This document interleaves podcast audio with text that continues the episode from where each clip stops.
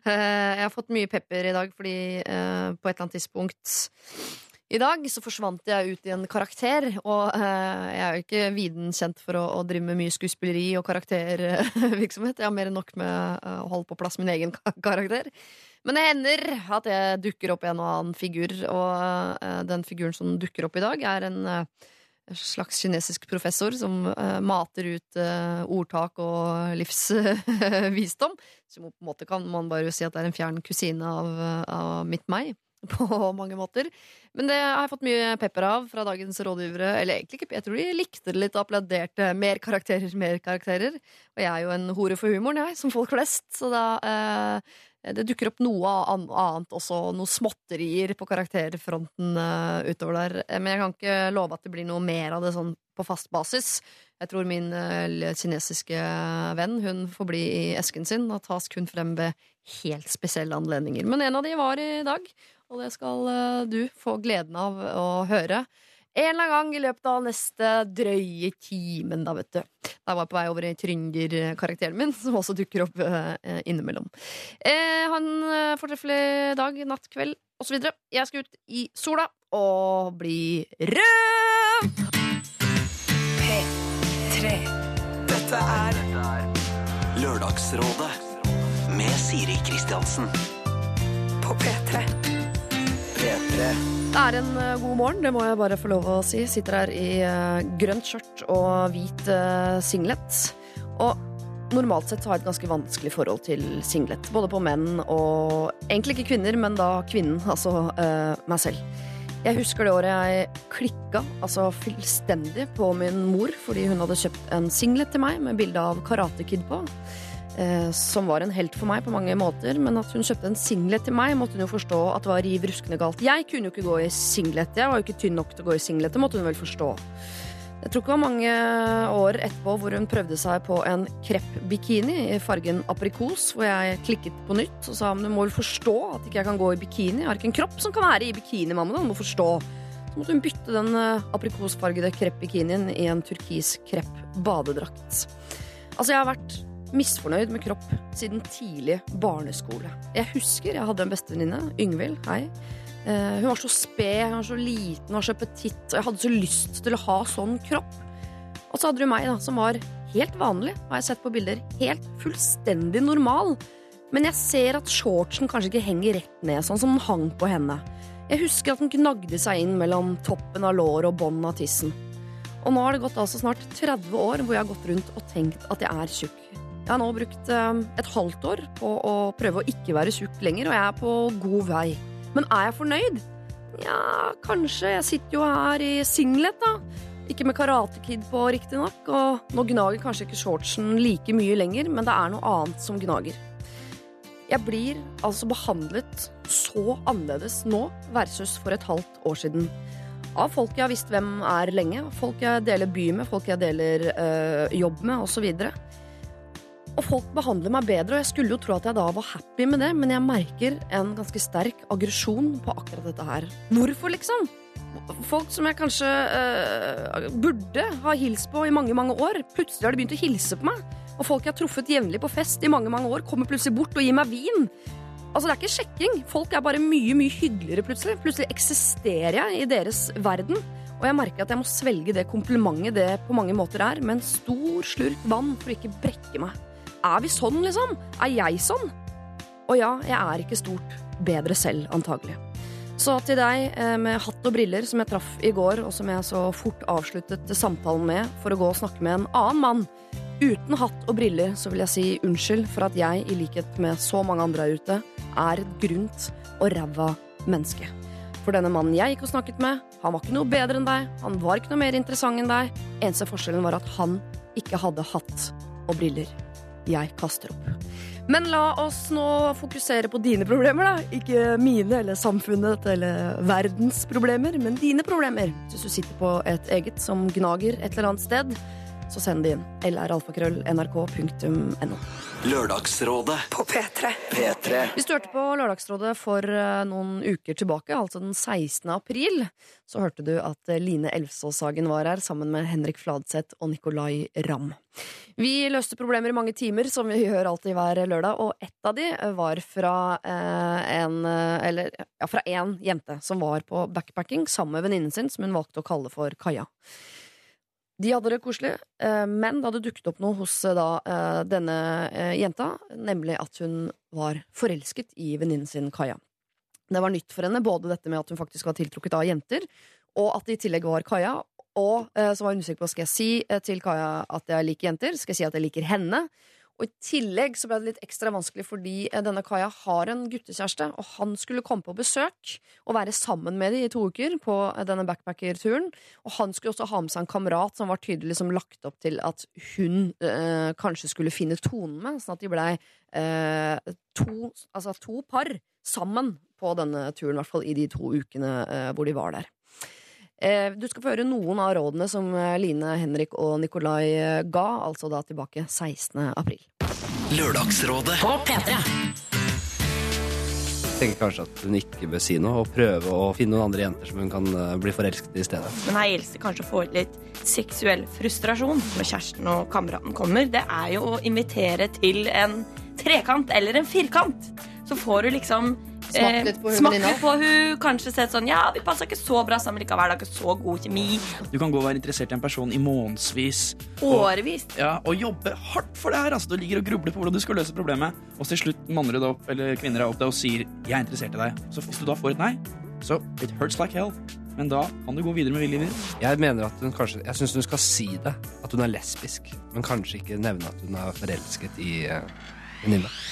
Lørdagsrådet hver lørdag fra 9 til 12. Dette er, dette er P3. Si det altså, men kanskje ikke si det til Kaja at hun er forelsket i henne. Hva endte Lea opp med å gjøre? Det skal jeg fortelle deg, for hun har sendt oss en mail, og her står det. Tusen takk for at dere tok opp problemet mitt. Det har gått en stund siden jeg lå på en klam sovesal og skrev desperat til dere. Kjæresten til Kaja kom på besøk, og det var skikkelig vondt å se dem sammen. Å se Kaja vise de følelsene til han som jeg så gjerne vil at hun skal ha for meg. Så en av de første kveldene etter at han kom, drakk jeg meg litt for full og fant meg en israelsk jente på dansegulvet. Det endte med at vi dro sammen bak til eh, hostellet vårt og lå sammen.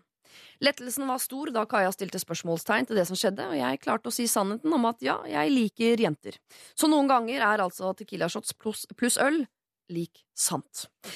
Kompisen til kjæresten til Kaja som kom noen dager senere, eh, han eh, skulle bare smoke weed every day og var ikke helt eh, der. Så de påfølgende ukene mens kjæresten var der, drakk jeg meg hensynsløst full nærmest hver eneste kveld og lå rundt med jenter fra mange nasjoner for å prøve å stenge ute følelsene for Kaja. Det funket sånn halvveis. Men det var fortsatt dritt å henge med henne og kjæresten. Eh, Det ble altså ikke noe trekant, dessverre. Jeg har nå bestemt meg for å følge rådet deres om å ikke si at jeg har følelser for Kaja nå mens vi er på tur, men jeg håper at jeg manner meg opp til å si det ved en senere anledning. Jeg tror likevel hun har anelser, siden oppførselen min endret seg så drastisk etter at typen hennes kom på besøk. Nå som det bare er oss to igjen, så prøver jeg å nyte dagene med henne og drukne den seksuelle tiltrekningen ved å, vel, ligge rundt. Takk for råd. Hilsen eh, Lea. Det er jo rart å skulle sitte her og råde folk til å ligge rundt med folk fra andre altså, nasjoner, men du har tydeligvis funnet din eh, løsning i ligging og tequila, og det er greit for en stund, men ikke la det bli løsningen på flere problemer i livet ditt, da, for det er jo ofte en uh, snarvei som bare uh, leder deg tilbake til der du egentlig begynte, ergo en snarvei som er en slags omvei. Jeg har ikke flere metaforer på det, eh, så vi går eh, videre med Lørdagsrådet her på NRK P3. Straks kommer eh, rådgiverne. Dette er NRK P3. Eh, god morgen, kjære rådgivere. God morgen. Guten morgen. God morgen. Du tok deg en slurk kaffe, Else Kåss Furuseth, idet vi skulle si god morgen. For å få den ekte radioeffekten. Ja, det er proft. Bare for å, å si fra at det er litt sånn eh, radio er litt sånn frynsete eh, greier. Ja, ja. Ja, ja, ja. Eh, jeg har lyst til å snakke med deg først, Kristoffer, eller Cezinando, da, som du kanskje er bedre kjent som, for du har ikke vært der som rådgiver før. Nei. Hvor gammel er du egentlig? 20 år gammel. 20 år gammel. Mm. Har du noen gode råd å komme med, tenker du? Sånn helt ofte bare råd. Generelt råd, vær så god. Ja. Ikke drep bier. Ikke drep bier. Fordi Godt råd. det er de som vi trenger biene. Vi trenger biene. Og de er snart utrydningstruet. Og vi, de, vi trenger de sårt. Vi trenger dem sårt. Mm. Ja. Det er en ting jeg har hatt lyst til å spørre deg om. Fordi For eh, snart et år siden så satt jeg i en hvit kassebil og hørte da på uh, denne europalåta di ganske mye. Mm. Sammen med blant annet eh, Agnete eh, Agnete Hva God heter historie. Johansen holdt tåta på deg. Fik etter det Er det en eh, Grand Prix, Agnete. Ja, ja. Og da sa hun at når hun var med i Junior Grand Prix, så, eh, dans, så var du danser i, Mm. i Junior Grand Prix. Mm, stemmer. Er du egentlig danser? Eh, ja, eller jeg har danset og sunget hele, hele oppveksten min.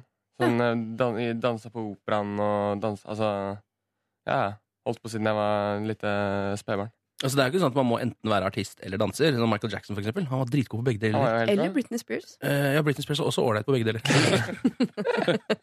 Helt ok. Ja, men det er sant, altså. Så du, eh, du dansa der, og nå driver du med musikk. Mm. Ja, Så spennende. Mm. Eh, jeg har lyst til å spørre dere alle tre eh, om eh, ferieplaner. Jeg skal til Syden om eh, akkurat en uke. Ja. Der skal jeg være i akkurat en uke. Eh, og så Så drar jeg tilbake hit igjen. Hvilket sydenland har du valgt i år? eh, I år har jeg valgt eh, Malaga. Ja. Um, som jo ikke er hovedstaden i Syden. En av de mindre stedene i Syden. Kreta er vel hovedstaden. Eller Kre- er det Kreta eller Rådås, kanskje. Jeg er litt Ja, okay, ja. Rådos, Det var Rådås på 80-tallet, men nå Ja. tror jeg kanskje Kreta. Det er Granca, stadig. faktisk. Ja, Else, Mm. jeg føler at du er den som er mest oppdatert på dette. Det er Granca som er hovedstaden i Syden. Ja, Granca. Oh, ja. Mm. Ja. Og så skal jeg se, tilbake hit til Norge og se på fotball-EM resten av sommeren. Ja. Eh, og så har jeg ikke noe mer. Nei.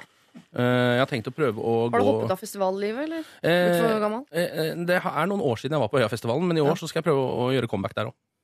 Hva med deg, Helse?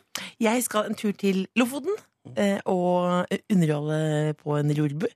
Ferie, sa jeg. Jeg Ja, lurer ja, på hva ja. du skal jobbe med framover. Og så etterpå Hva skjer? Ja, men så, etter det, da, Ja. ja, når latteren har lagt seg, Ja. så skal jeg reise rundt i Lofoten. Ja. Og, og bo i rorbur eh, og nyte livet. Så deilig, ja. Fantastisk.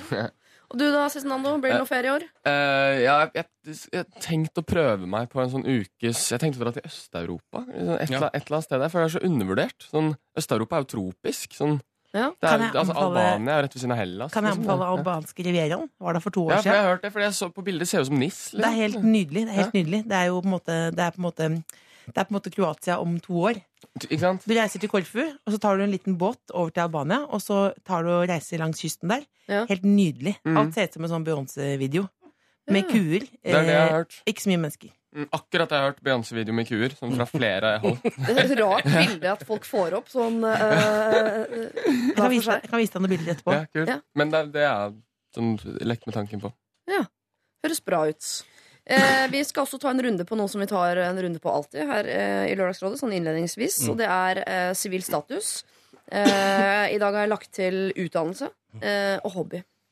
Vil du begynne, Cezinando? Um, jeg har kjæreste. Mm. Uh, hob Yngre eller eldre enn deg? uh, født samme årstall, så det, det, ja, Hun er vel Det vet du eldre ikke, måneds, uh, må, i, I måneder er hun hun du merker det i måneden, ikke sant? Ja, ikke sant? Når det er middagskveld. Nei. Du vet hvis ikke når kjæresten din har bursdag. Det sa er litt om det rart. Om jeg vet når hun har Jo, jeg vet når hun har bursdag. Okay, bra. Ja, uh, vi har vært sammen i um, to år, uh, typ. Ja, Så hun har Mm. liksom vært med gjennom hele Mm, Så kult. absolutt. Ja. Og så- jeg tror ikke jeg har noen hobbyer, jeg. Er det sant? Ja, jeg tror ikke det, fordi jeg, jeg, det er liksom bare å lage musikk jeg kan. Eller drive med, da. Du har ikke Eller jo, noen sånne jo, små jeg har kjøpt, piller? Det her er liksom? nye hobbyen min. Jeg kjøpte det her, sånn uh, handycam, i forgårs. Det er den nye tingen min. Og så, og så filmer jeg ting, og så prosjekterer jeg det på vegger rundt omkring i offentlige rom. For det er prosjektor på kameraet mitt. Uten å tulle. Jeg kan vise dere etterpå. Det er jo en hobby, da. Det er, eh, det er kunst, det de greiene der. Det er det. Hvordan er det med din sivile status, eh, Else? Den er eh, den samme. Mm. Satt mm. unge på vent. For å komme hit, blant annet. Mhm. Ja, eh, og hobby. Var det Ja. det også? Ja, og utdannelse. Utdannelse. Jeg går på Westerdals. Ja. Eh, og jeg hadde et slags hobbyperspektiv på hele den skolen. Eh, og eh, er da utdannet art director derfra. Mhm. Eh, og jeg har masse sånn skjellkunst i boden eh, som jeg har betalt dyre dommer for. Og er veldig veldig fornøyd med det. Ja. Og hobby da blir Ja, Det er jo Innimellom så går jeg ned i boden og så rydder jeg den skjellkunsten. Og så tenker jeg over herregud, for et deilig liv jeg har. ja. Jeg glemte utdannelse på deg. Å ja. eh, Eh, videregående utdannelse. Videregående utdannelse. Ja. Ja, Fra, fra Elvebakken skole. Ja. Mm. Elvebakken var veldig utskjelt lenge. Det var møkkaskole i mange år, og nå er det en av de skolene som folk aller, aller, aller helst vil gå på. Mm. Der har det snudd. Akkurat som Drammen, vil jeg påstå. Hva med deg, Ken? Hva sender du listen? Eh, Ja, altså Jeg har fortsatt åpen innboks, Uh, altså sånn sivilstatusmessig. Ja. Um, og så hobby, der liker jeg å lese om seriemordere uh, og se på wrestling. Mm. Uh, og så hender det at jeg kjøper meg actionfigurer. Ja. Henger dette noe sammen med sivilstatusen din, eller? Ja, dessverre. Utdannelse. Eh, grunnfag psykologi og bachelorgrad journalistikk. Nei, nei, nei, nei. Du er for dum type. Grunnfag psykopat, altså. Og disse folka skal gi deg gode råd fram til klokka tolv.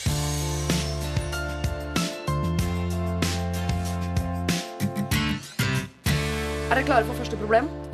Overklare. Overklare. Oi, da ble jeg litt nervøs, faktisk.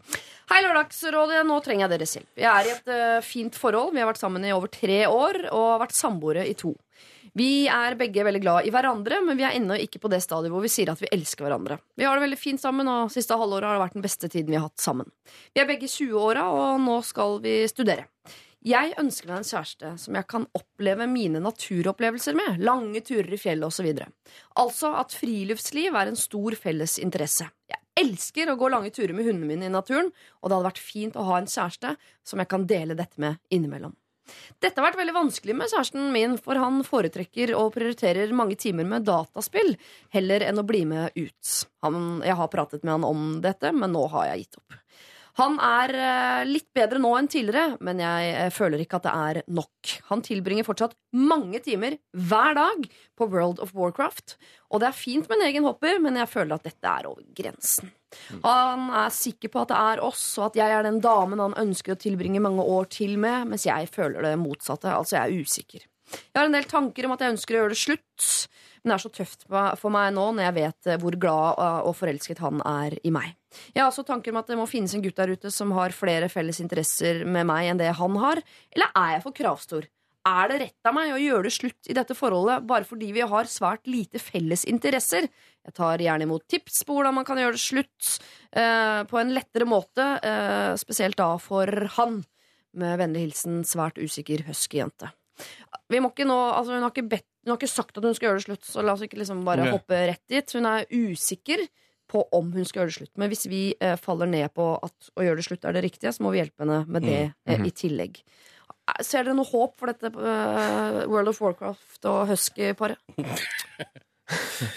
Eh, jeg vet ikke, jeg. Mm, Hvis man må gjøre alle ting sammen, hvis det er sånn, så går det jo åpenbart ikke. Men hvis det er sånn som kan like å dele opp litt innimellom for å få litt tid eh, hver for seg, Mm. så er jo det Da høres det veldig bra ut. Men det høres ut som ordet innimellom ikke passer her. For det høres ut som man eh, holder på med World of Warcraft mange timer hver dag. Mm. Det er ikke innimellom. Mm, nei. Eh, nei, det er sant. Har du noe håp for disse, Cezinando? Det er, det er litt vanskelig å si, fordi det spørs jo litt eh, hvordan han er når han ikke spiller World of Warcraft. Ja. Men hun sier at de har det veldig bra. At de har det dødsbra og er lykkelige og Ja, det gjør så, det. ja, så det, Jeg vet ikke, det blir litt sånn eh, det blir, det blir jo litt sånn eh, selvmotsigende samtidig. Det er masse selvmotsigelser i Ja. denne mailen. Den er Ja. proppfull av det. Hun er veldig eh, usikker på, på dette forholdet, tror jeg. Men fordi hun er lykkelig, men hun er usikker på om dette er en fremtidsgreie. Ja. Ikke sant? Da jeg, jeg tror at hun kanskje burde k- Kanskje kreve litt mer dedikasjon av han. Jeg vet ikke. Krever mer, rett og slett. Ja, kanskje, kanskje han Jeg vet ikke.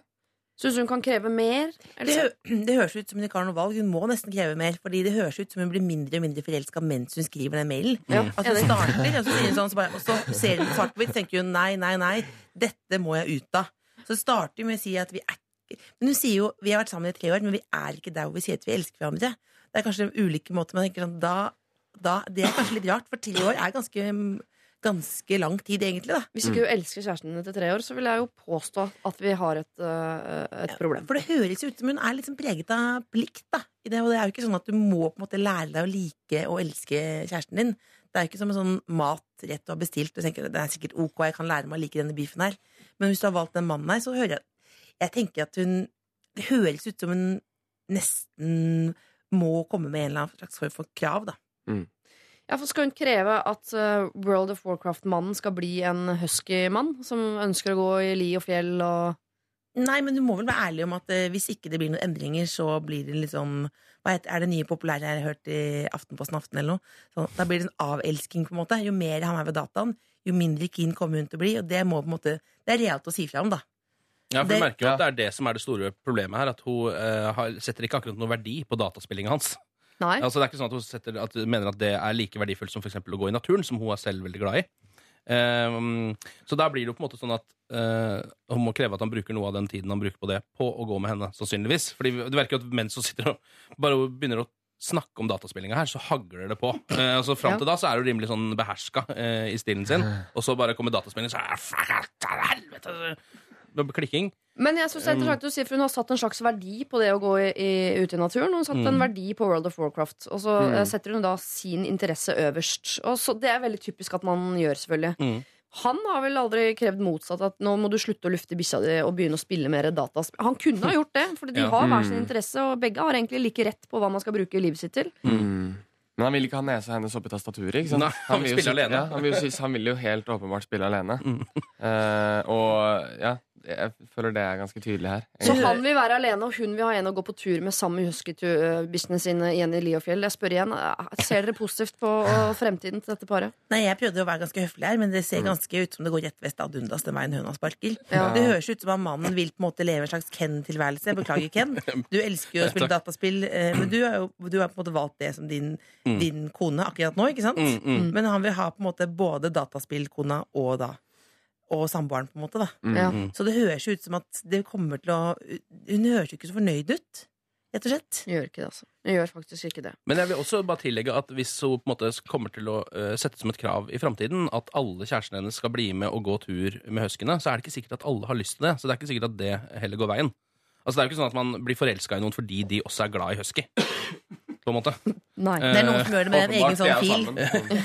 sammen. Huskyfila. Ja, huskyfil. Eh, så um, så det, det, er ikke, altså, det er ikke så lett å søke, søke en turpartner som også skal være en kjæreste. Det er ikke sikkert det funker, det heller. Altså. Men uh, selvfølgelig en som spiller litt mindre World of Warcraft, kan kanskje være en vei å gå. Men det er ikke sikkert jeg slår opp. Det kan jo være at hun Jeg ville startet med et ultimatum, da. på en måte Ja. Jeg tenker at Det høres det, Det, det ville du ikke ha gjort, Else. Du ville aldri ha starta med ultimatum. nei, jeg ville blitt i forholdet, selvfølgelig. jeg, person, personlig? Nei, jeg ville satt meg ned og spilt dataspill eh, til det lysner, jeg. Eh, Vanligvis så anbefaler man jo ikke ultimatumet fordi at man vet hva man risikerer, nemlig et brudd. Men her tenker jeg at eh, risikoen på at det blir et brudd, den er vi jo villige til å legge i potten, alle mann her. Eh, så et ultimatum kan være greit. Men vi ser jo at dette her går i retning av et brudd, dessverre. Kjære huskyjente. Hvordan skal hun gjøre dette bruddet lettest for han? For hun mm. sier jo at han liker henne bedre enn hun liker han tilbake. Har du noen tips, Ken? Mm, ja, altså Det mm, mest morsomste hadde jo vært å da uh, skape sin egen World of Warcraft-karakter. Uh, spille spillet og slå opp i spillet. Eh, altså Gå bort og finne han inni den Altså, drepe han med sverd eller noe, som jeg regner med man driver med først slå opp, og så drepe med sverd. Eh, hvis du bare går bort og dreper med sverd, så dør han jo bare og finner jo aldri ut hvem du var. Eh, Ja, for man kan snakke sammen. jeg tror det går an å kommunisere der inne. Mm. Så gå bort og Hei, det er meg, huskyjente, kjæresten din. Hei, sier han tilbake. Mm. Eh, og så Nå slår jeg opp med deg fordi du er alltid her inne. Og så drepe, og så logge av. Jo, men det Eh, er ikke bare, det er ikke bare humorforslag. For jeg tenker Man må møtes der man er. på en eller annen måte jeg tenker det, Ja. Dette er grunnen til at det blir slutt mellom oss. Så men da går jeg inn i din verden for å fortelle det. det, er, det er først og fremst et humorforslag. Altså, fremst et dette, dette humorforslag. det definerer jo igjen Beklager, Ken, hvorfor du er singel.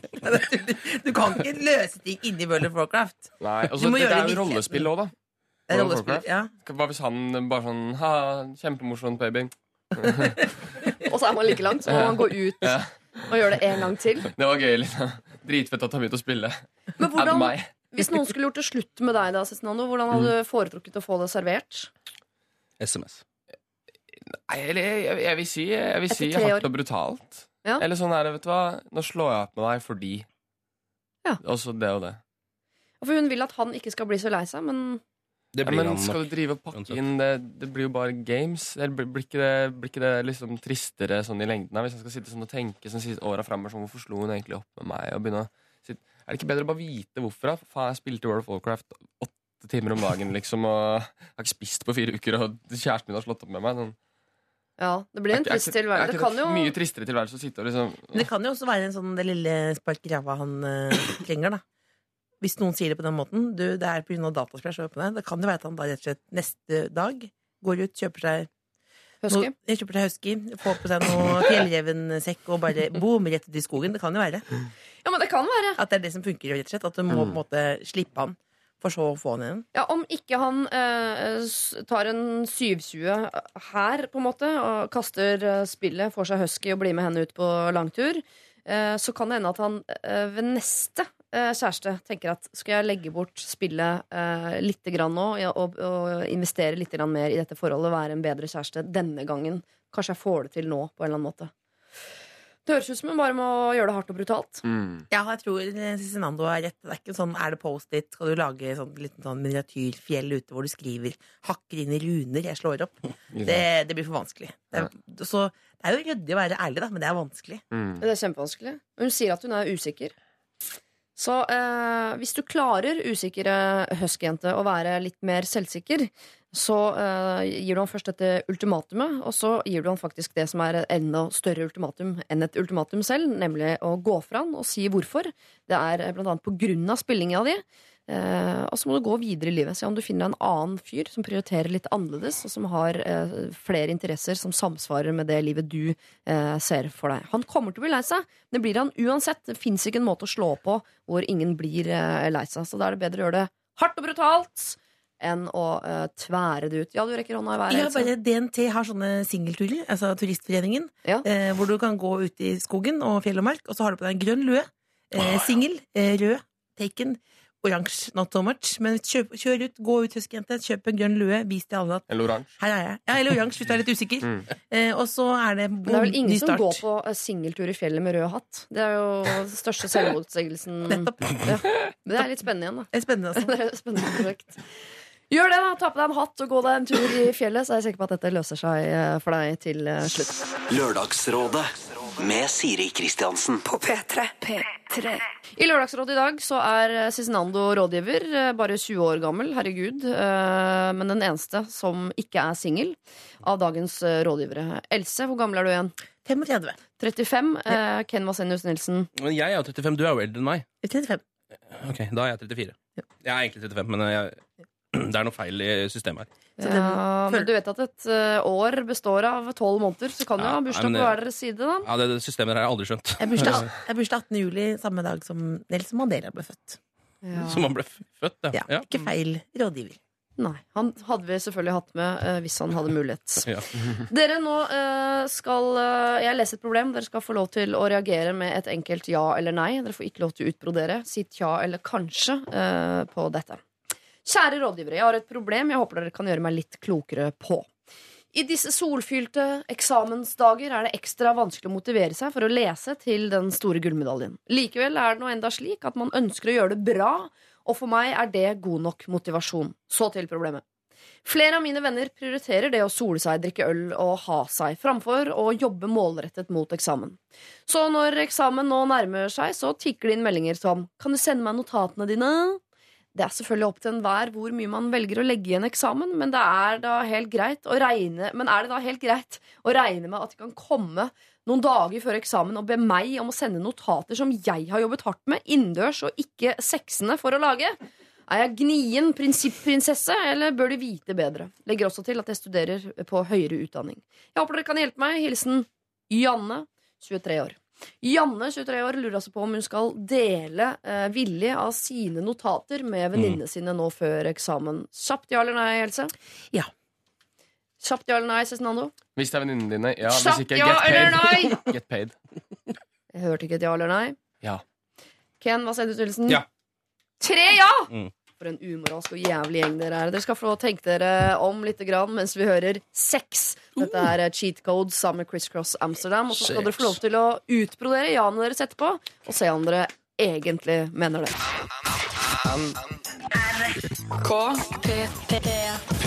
P3. LSK Sur eh, Suruseth, du sa ja. Cezinando, du sa ja. Og Ken Vasenius Silsen, du sa også ja.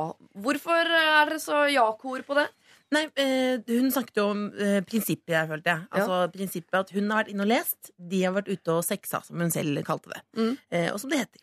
På en, må på en måte. Jeg ser det for meg nå. Men, eh, og da, men jeg synes, hvis vi snakker om prinsipper, så er det viktigste prinsippet er jo eh, hva kan du leve med etterpå? Kan du leve med å ha vært en person som sa nei til det? Blir det, det blir jo en veldig stor stein i det, i det Vennskapets sko. Ja. Mm. Måte. Det er det som ligger bak Ja, jeg syns at, Altså- synes at eh, her vinner det å være litt raus, da, på en måte. For min del så tenker jeg at uh, denne eh, personen som har skrevet denne mailen, altså var det Janne hun kalte Ja, seg, ja. Um, høres litt ut som en veldig prinsippfast person, uh, som Ja, også er bruker uttrykk som lese målretta til eksamen og sånne ting. Ja.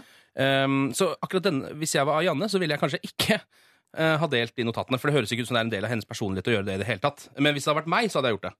Eh, Hvis du skjønner hva jeg mener? Fordi det er bare sånn Fordi jeg er en ålreit er fyr. En sånn raus type. Men Eh, du, had, du hadde jo ikke hatt de notatene å dele. jo, jeg hadde det, skjønner du. Ja, okay. eh, opp igjennom så har jeg både delt og fått notater eh, til ulike eksamener. Mm. Eh, og kommet meg helskinna gjennom samtlige. Eh, men også hatt muligheten til å være litt ute og sole meg og drikke øl. Midt oppi alt sammen. Jeg tror Hvis Janne er en person som både eh, hadde hatt muligheten til å dele og få, eh, Mm. så tror jeg det hadde vært lettere for henne. Men jeg tror aldri hun er i en posisjon hvor hun trenger å få, eller har noen å få av, hvis jeg forstår denne vendingen riktig. Ja, det er du også, også ja her. Ja. Hvorfor det?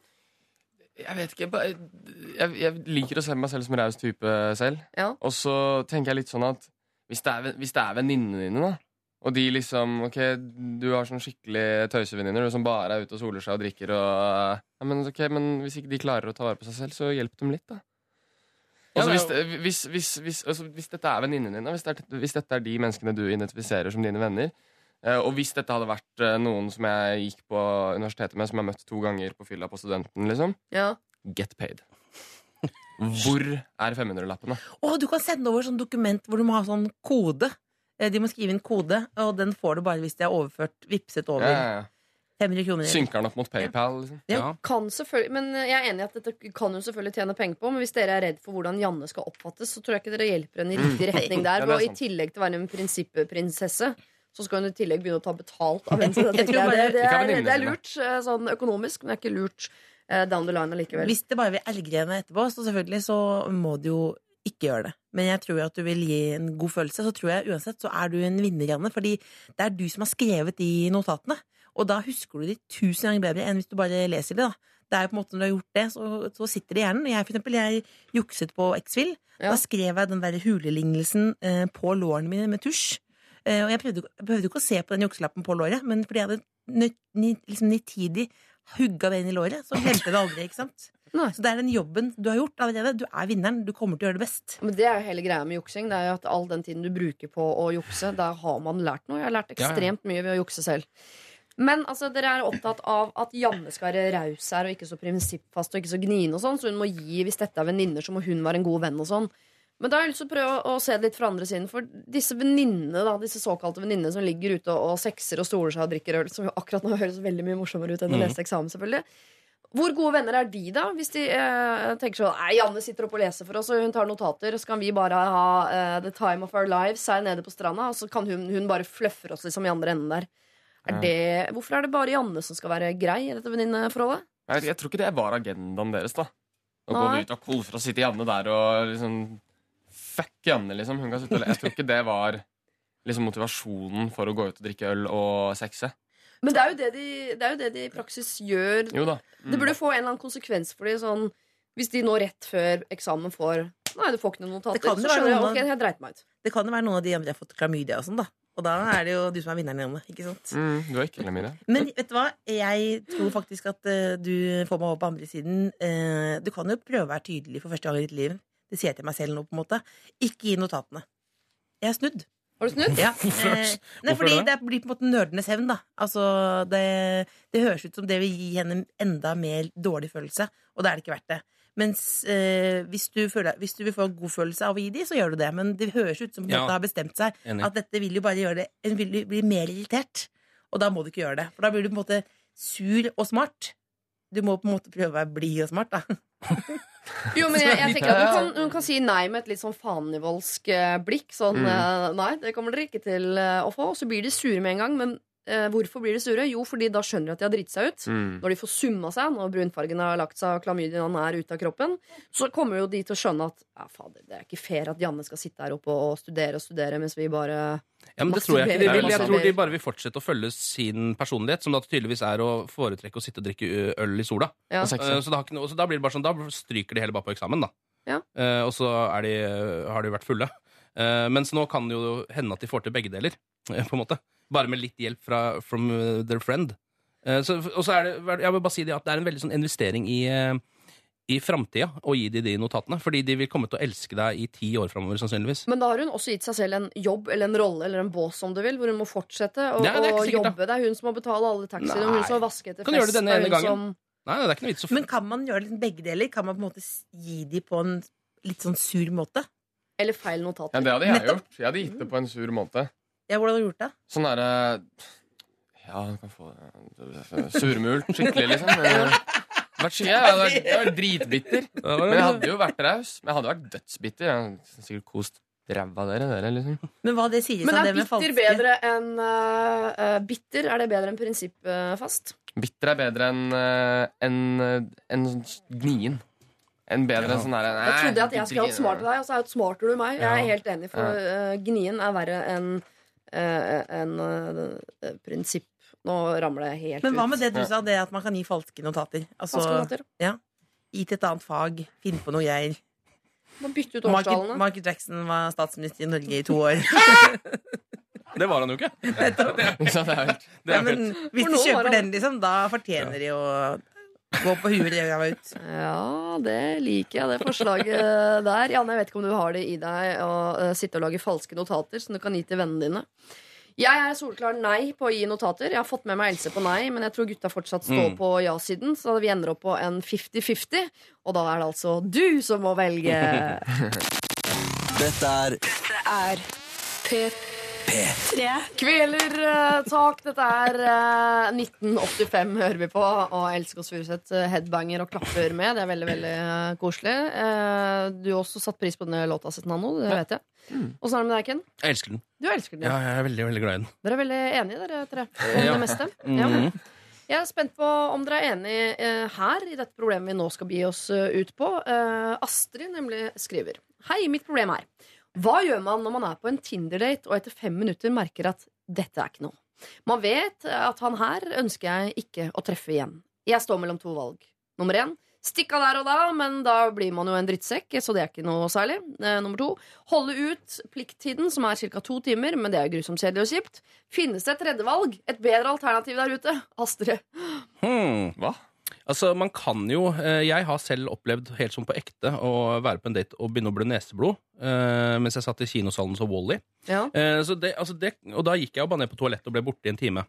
Ja. Eh, fordi det var jo det som måtte til for å stoppe det neseblodet. Så kom jeg tilbake og sa jeg ble neseblod, jeg drar hjem.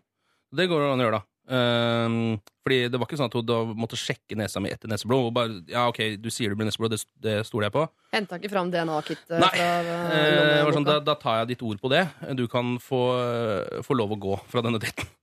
Nes, jeg er enig, men da har du på en måte eh, For deg var det jo reelt, men man kan finne på en situasjon. Og det, ofte har man jo det backup sånn. Man uh, avtaler ofte med en venninne. Hvis jeg ringer deg og legger på, så ring meg opp igjen. Så jeg kan reagere til sånn Hva?! Nå?! Mm. Ja. Men den, Drama. den har, tror jeg alle vet om nå, så den, det er litt lett eh, Det Ja, tror men jeg jeg, blir tror ikke at hun du var på kino med, antageligvis tenker deg sånn Å ja, han dro den neseblodgreia. Jeg skjønner. Jeg tror det. Det, det tenkte hun, for jeg har vært på noe lignende, bare en annen rolle. Mhm. Jeg var på kinodate hvor den motparten, da, mannen, fikk akutt lumbago.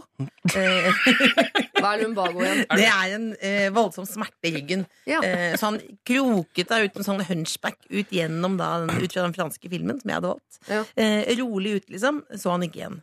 Eh, Jeg har også eh, fått beskjeden eh, brakk ankelen, kan ikke komme. Rett før en date.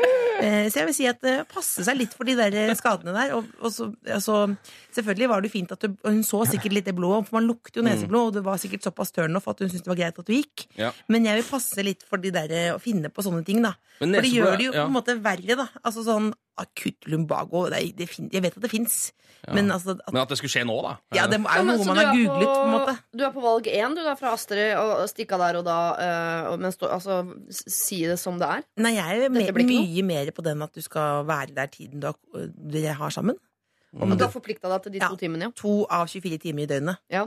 Det Det kan, du, det kan du klare på litt god gammeldags smalltalk, Ja. Det spørs, det kan godt hende det gjør det verre. altså. Uh, to vonde timer eh, kan ofte være mye verre enn fem litt vonde minutter. Uh, Du har valgt mellom to vonde timer for deg eller ja. ti vonde minutter for han. Så det er Ja. jo ja. Mm. Det kan godt hende det er to vonde timer for han også. Altså Hvis dere rett og slett ikke passer sammen, så blir jo det jæsla kleint. da Mye Men det må jo sies at altså, neseblod er jo veldig lett å påføre seg selv. Uh, hvis du har litt lang negl, bare stikk den opp på en liten ripe. Eh, med en gang du ser blodet, eh, så er det greit å gå. Så jeg står fortsatt ved Du står neseblod. for neseblod, ja. Ja. Eh, Nando, du sa jo tidligere i dag morges eh, Når vi snakket om Husky-jenta og World of Warcraft-mannen, at Mm. hun måtte bare si det som det er og, og bli ferdig med det. Det kommer til å gjøre vondt, også, mm. men det er bedre å bare være helt sånn streit på det. Mm. Mener du det også her? At man man skal si, 'dette blir ikke noe, gutten min'? Jeg tenker litt det samme her, egentlig. Som hvis, det, hvis du sitter der fem minutter inn i daten og skjønner at det eneste dere har til felles, er at dere har lasta ned samme app, Ja. og det er det, liksom, ja. Så er det jo helt greit å Ok, drikke opp ølen, da. Og så, du trenger ikke å gå fra liksom en nesten full øl. Sitte der på Men hva, Sara hva ville du sagt for noe? Hæ? Hva ville du sagt for noe? Jeg ville bare sagt sånn Du, vi, vi, vi driter i det.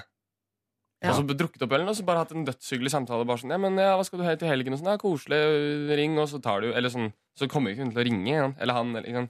det blir bare en sånn der, bæ, bæ, bæ, jatte med. Ja. Um, sånn at man på en måte er litt sånn på samme jattefrekvens. igjen. ja. Og så bare stikke, egentlig. Fader. Du lurer på om Cezinando er den smarteste der. For det er faktisk Det var en som sa til meg sånn Som merket at jeg likte han en gang. Så sa han sånn Du bare De greiene Så jeg merker at du føler eh, for meg. Eh, bare Kan ikke du bare være venner, liksom? Bare drit i det. Og da, på måte, var det sånn, da var det sånn Ok, men da, da bare Det var sagt på såpass sånn Liksom, litt sånn rotete, men ålreit måte. Så da, da Det lever man bedre med, da, tror jeg, enn sånn derre to liter blod rett i fanget, som er Kane sitt forslag. Altså, altså, det er jo mitt fang, da, ikke ditt. Ja. Ehm, men uansett, jeg tror ofte man undervurderer litt sånn den andre parten i dette. Altså Hvis man selv merker at det her er helt forferdelig, Ja. så sitter muligens sannsynligvis den andre parten og tenker litt det samme. Altså. Og da går altså Ikke så alltid. Nei, men, nei ikke alltid, men Nei, det er jeg klar over, Else. jo, men Eh, hvis man går inn og tenker i større grad at uh, nå skal jeg redde denne situasjonen At nå tar Mm. jeg en, uh, nå tar jeg en for fellesen her. Uh, la oss være enige om at vi to kommer ikke til å møtes igjen. Skal vi bare kalle det en dag? ja, Og så gå derfra? ja, Tenk å si sånn jeg, 'Jeg liker deg ikke. Du er helt forferdelig.' Nei, nei, nei, Jeg orker ikke å sitte her lenger. Men det er jo også, jeg bare tenker det går jo an å ta det bare sånn Det her var kanskje ikke helt eh, 100 eller? Eh, og så bare skål, drikke opp ølen. Ta en Mm. liten samtale om hva man tror skjer i Game of Thrones, og så gå. Ja, for hvert fall når det er Tinder-date hvor det er så tydelig hva man er ute etter. egentlig At Da syns jeg man kan fortsette å være like tydelig. At man ikke må pakke inn eh, intensjonene som er, er, ligger til rette for Tinder. Men med en gang man skal møtes, så begynner man å pakke det inn. Mm. Sånn, nei, men Det er jo hyggelig, vi kan jo bare sitte her. Eller. Ja. Mitt tips er jo alltid, fordi jeg har brukt det selv, uh, å si at man skal på Carpe Diem-konsert. Nei! Du må ikke lyve om noe som kan ferskes. Altså, det, Er det en Carpe Diem-konsert som ikke er annonsert? Da Da begynner du nærmere å google Carpe Diem hvor i dag. Ja, Da Mm. har du fått beskjeden da, om at hun faka en uh, Carpe Diem-konsert. Uh, jeg tar hintet. På en måte. ja. Ja, og Carpe Diem-konsert er jo en grei ting å bli dumpa Jeg med, syns det er mer delikat enn neseblod, i hvert fall. Mer delikat er det, men, eh, men jeg syns neseblod er mer full proof uh, i dette tilfellet. Men hvis det du- kan man ikke, du kan ikke google over hvorvidt jeg faktisk hadde neseblod eller ikke. Nei, Men hvis du sier eh, jeg, eh, jeg må gå, jeg skal på Carpe Diem-konsert, så hadde jeg sagt kan jeg bli med? Mm. Da har jeg sagt 'har du billett'? Er det så det? Beklager, jeg har akutt lumbago. Jeg må bare komme, komme av gårde. Nei, eh, man skal kanskje ikke ljuge her, altså. Jeg tror eh, vi også her går for Cezinando-metoden, som er å, å si det som det er. Det er vel da antageligvis eh, valg én hos deg, Astrid. Si det som det er. Drikk opp ølen, og så går du. For Hvis du syns det er litt rar stemning, så syns antageligvis han også det er litt rar stemning. Dere har møtt hverandre på en app hvor intensjonen er veldig tydelig, så fortsett eh, med det. Jeg syns at alle Tinder-dater det skal være lov å avslutte etter én øl. Dette er Lørdagsrådet På P3. P3. Hotter than hell var det Dua Lipa og før det Highasakite med sin Golden Ticket. Og mens du har hørt på uh, all den deilige musikken, så har både Else Kåss Furuseth, uh, Cezinando, Ken Vasenius Nilsen og jeg vært ute og smurt oss hvert vårt uh, knekkebrød med deilig Dijon-sennep, som er din private Ken Vasenius Nilsen. Setter jeg veldig eh, Ja. pris på. Jeg har navn på den. Eh, Ja. Det står Ken på den. Ja. Um, Men vi fikk. Og så Ja. stjal vi litt majones Ja. fra P3 Morgen. Det Mm. også var veldig veldig godt. Tusen takk, P3 Morgen, for det. Nå skal vi til en som kaller seg for Ragnhild, som har et problem som- jeg er veldig nysgjerrig på eh, hva dere mener om, for dette har jeg gått og tenkt litt på, rett og slett, etter at jeg fikk inn mailen. Her står det. Hei, jeg er en 27 år gammel jente som bor i Oslo. I påsken møtte jeg en fyr på fjellet. Vi bodde i samme turisthytte og møttes på påskeaften. Vi drakk en del den kvelden, danset og endte opp på hans firemannsrom. Det skjedde en del ting, kan du si. Jeg fikk nummeret hans, og vi gikk på date to dager senere. Det var hyggelig, og vi fortsatte der det slapp, og det ble en date til. Jeg er med i en treningsgruppe hvor vi møtes en gang i uka og løper uh, ute. Dagen etter date møter jeg han tilfeldigvis på løpetur, mens jeg da løper sammen med denne gruppa. Han joiner oss og er med resten av løpeturen. Alle skjønner at det er noe på gang mellom oss. Han blir også meldt inn i Facebook-gruppen til denne treninga, og i ca. tre uker holder vi på. Han fortsetter å joine treningsgruppen og møter flere av mine venner, og etter en av treningene drar vi hjem til han, og han forteller meg på en hyggelig måte at han ikke har så mye følelse for meg. Jeg blir ganske satt ut og lei meg, egentlig. Vi holder kontakten litt til via meldinger, men han virker ikke så keen. Etter dette ser jeg at han skal være med på en av treningene som jeg skal holde. Han sender meg en melding og spør om jeg vil sitte på med han, noe jeg takker nei til. Jeg begynner å få håp om at det kanskje er noe mer allikevel. Da, vi på, eh, da vi ses på treningen, så står han der med en annen dame, noe jeg syns er veldig rart. Jeg blir litt stressa, men jeg må jo konse på å holde denne treningen. Helt på slutten, da vi sier ha det, introduserer han denne damen som søsteren sin. Og da ble jeg jo litt letta, og, eh, og, håpet, og håpet mitt ble mer tydelig. Så jeg sender han en melding og spør om vi skal finne på noe til uka. Vi drar og klatrer, og det er gøy, men litt kleint. Stemninga er litt rar mellom oss, men jeg sender han en melding for å få vite status, for jeg orker ikke å tenke noe mer på det. Jeg får et avvisende svar, noe som egentlig er greit, men problemet starter nå. Han fortsetter nemlig å komme på alle treninger med mine venner, som jeg har vært med hele tiden. Han, eh, når han er til stede, så klarer jeg ikke å være meg selv. Jeg syns det er veldig spesielt, og eh, jeg er keen på at han skal slutte å komme på treningen, rett og slett. Siden han eh, viser at han ikke er keen på meg som person, men han vil være med på trening. Alle jeg snakker med, syns dette er rart, og de syns jeg burde prate med han. Men hva kan jeg si? Kall meg Ragnhild. Altså, skjønner dere, Han har altså uh, flørta seg rett inn i eh, løpegruppa hennes. Ja. Hun må Han vil ikke være, ha henne, han vil ha pakka rundt. men hun må jo være helt sykt god trener, hun Ragnhild. da Ja. Altså, når han, er, han blir jo helt hekta på det opplegget hennes, rett og slett. Ja, altså For meg så er denne mannen eh, Jeg skal ikke gi han noe navn, men hvis han skulle han selv? spilt i en slags superheltfilm, så tror jeg filmen hadde hett Blodigla. For her er det en fyr som har eh, sugd seg fast inn i noe han vil ha. Ikke hun, han vil bare ha greia hennes, pakka hennes, løpetreninger, gjeng, venner. Men da har jo han også da, hvis jeg øh, husker riktig, så har han på en måte avvist Ragnhild to ganger. Ja, ja, ja. Eh, og da, nå virker det på en måte man har glemt det, og ikke har noen tanke om at det kan være vanskelig. da Ja, faktisk. Mm. Han forholder seg ikke til det i det hele tatt, virker det som. Men jeg lurer, altså, kommer det fram her hvorvidt noen av de andre i denne gjengen liker han eller ikke? Eller er han liksom bare sånn som plutselig bare har dukka opp, og bare, Ah! som ingen bryr seg noe om? Bare er der? Eh, nei, det eneste som står uh, hinting i noe som helst retning, er at alle syns det, det er rart. Ja, ikke sant. Men det er situasjonen mellom dem to. Det står ikke noe om, om de syns han er rar. Nei. Men han er jo nyeste tilskuddet i gjengen. Ragnhild Mm. har vært der hele tiden. Mm. Men altså, den, hvis man, det letteste måte å si, men veldig vanskelig å gjennomføre, er jo det som de vennene sier til henne også, at de må snakke sammen. Ja. Og så er jo hennes spørsmål da hvordan man skal gjøre det. Fordi hun må vel på et eller annet vis ta tak i det her. Ja. Mm. Men det er jo litt sånn Det er lett å si sånn Ja, bare ring han og si det. Men det hadde aldri jeg klart, tror jeg. Nei, fordi da må man jo bruke eh, det at man liker personen, sannsynligvis. Og si sånn Du, jeg er, liker faktisk deg. Så jeg blir litt sånn distrahert av at du driver her når jeg trener og sånn. Som jo er veldig sånn sår ting å si. Eh, Ja, når du har blitt avvist to ganger. ja, når du har blitt avvist og vet at dette her er kjørt uansett. Ja, for, da, Um, for å få litt mer respekt for deg sjøl, så blir du på en måte dumpa tredje gangen. Det er jo veldig Mm. vondt. Så han burde jo egentlig det, Kan noen andre si det til ham? ja, det er bra. Altså, Outsource, rett og slett. ja, outsource da, siden det er jo hennes gjeng. Og så, altså bare, nettopp for å spare seg for den der at du en gang til må åpne hjertet og si Ja. at du er sår. At en venninne kan si sånn Du, det er litt rart at du er der. Oh, så god venninne er ikke jeg. hadde du ikke gjort det for meg, for eksempel? Nei. Aldri i verden. Jeg har sagt det Men liker du ikke også litt sånne situasjoner? da, Siri? Er ikke det deilig å gå bort og Jeg hadde, jeg hadde slutta å løpe. Ja, jeg hadde aldri begynt, men eh, Men eh, jeg hører dere sier at dette blir, kan bli avvisning nummer tre, og bla, bla, bla, men det er jo egentlig hun som avviser han nå. Nei, men samtidig så gir jo han så mye, hvis du går inn der og sier sånn for, Eller jeg skjønner ikke hvordan hun skal kunne si det eh, på en logisk måte uten å bruke det at eh, hun liker han, hvis du skjønner. Og da gir man liksom det. Da har man blitt dumpa to ganger, og så må man også inn og si sånn Men jeg liker deg fortsatt så godt at det er ekkelt at du er her.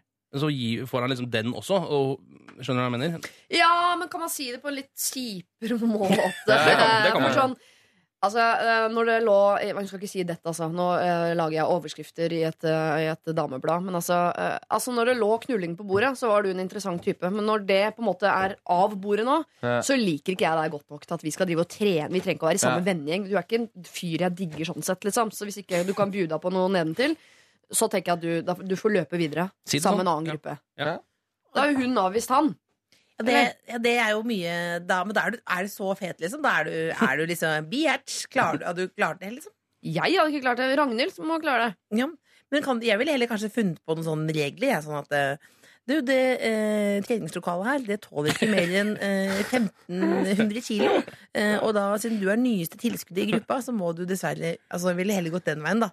Eller å, jeg ville mest sannsynlig begynt å gråte og sagt sånn Det er for vanskelig for meg. sånn Men det vil jeg ikke anbefale noen å gjøre. Det vil jeg aldri anbefale som et råd, for da etterpå kjenner du bare på skammen. Det er vondt. Hva ville du gjort for noe, Kristoffer? Du, ehm, nesten litt samme igjen, altså. At eh, hvis, hvis, dette, hvis dette er hennes venner, det er, dette er hennes gjeng. Ja. Det er de hun henger med og løper med, og hennes ehm, stolpe i livet.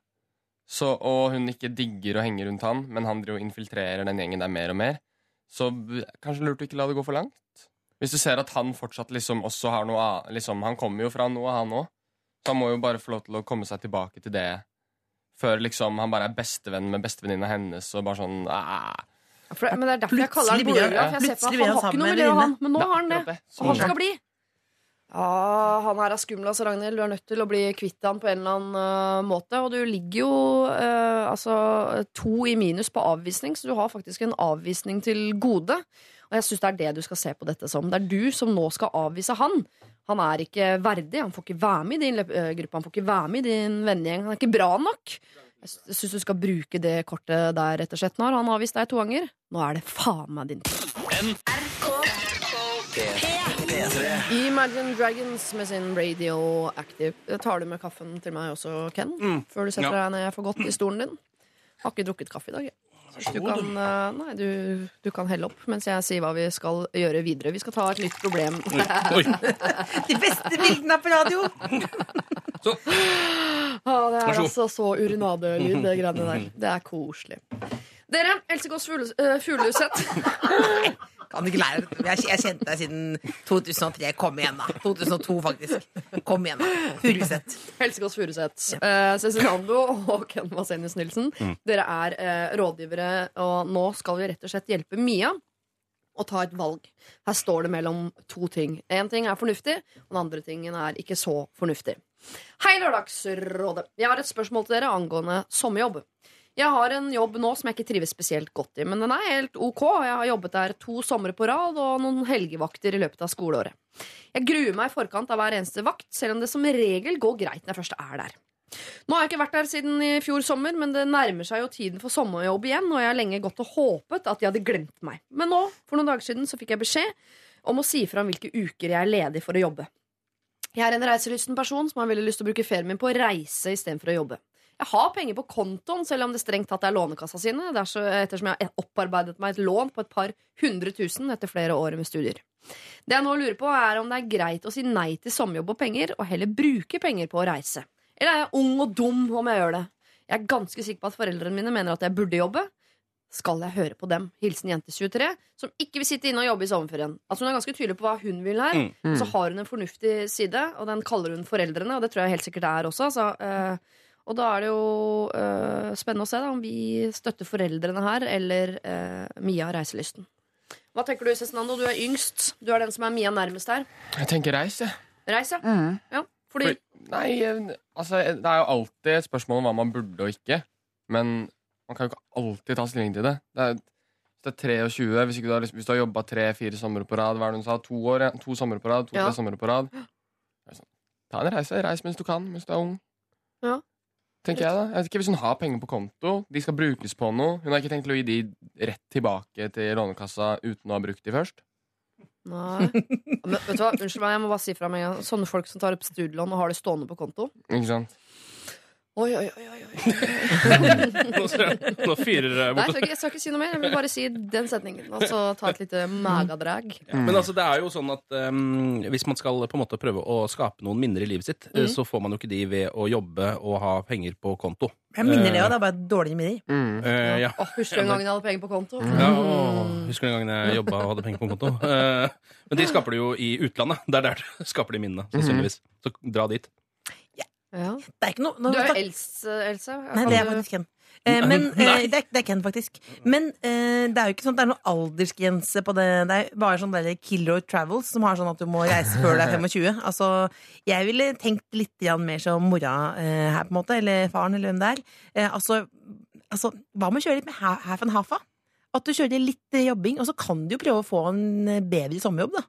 Det fins jo sommerjobber som med Ja, det er for seint, ass. Mm. Er det for sent? Det er for seint for seg kul, så alle de kule sommerjobbene er tatt. Er det det? Mm, absolutt. Ok, da trekker tilbake det rådet, og jeg kaster lappen med noterte på. Hvis du Eh, bytter nå, så kommer du til å ende opp med eksempel, eh, klippe gresset fra Moss til Rygge, eller støvsuge en silo, eller lignende sommerjobber. Nei, men Hvis du klipper er gresset på en, klipper gresset på en kirkegård, for eksempel, da. Ah, det, Så, så gjør det, den- Hvis du gjør det baris, ikke helt baris, men så baris som du kan bli, på en måte, eh, i en liten topp, blir du kjempebrun.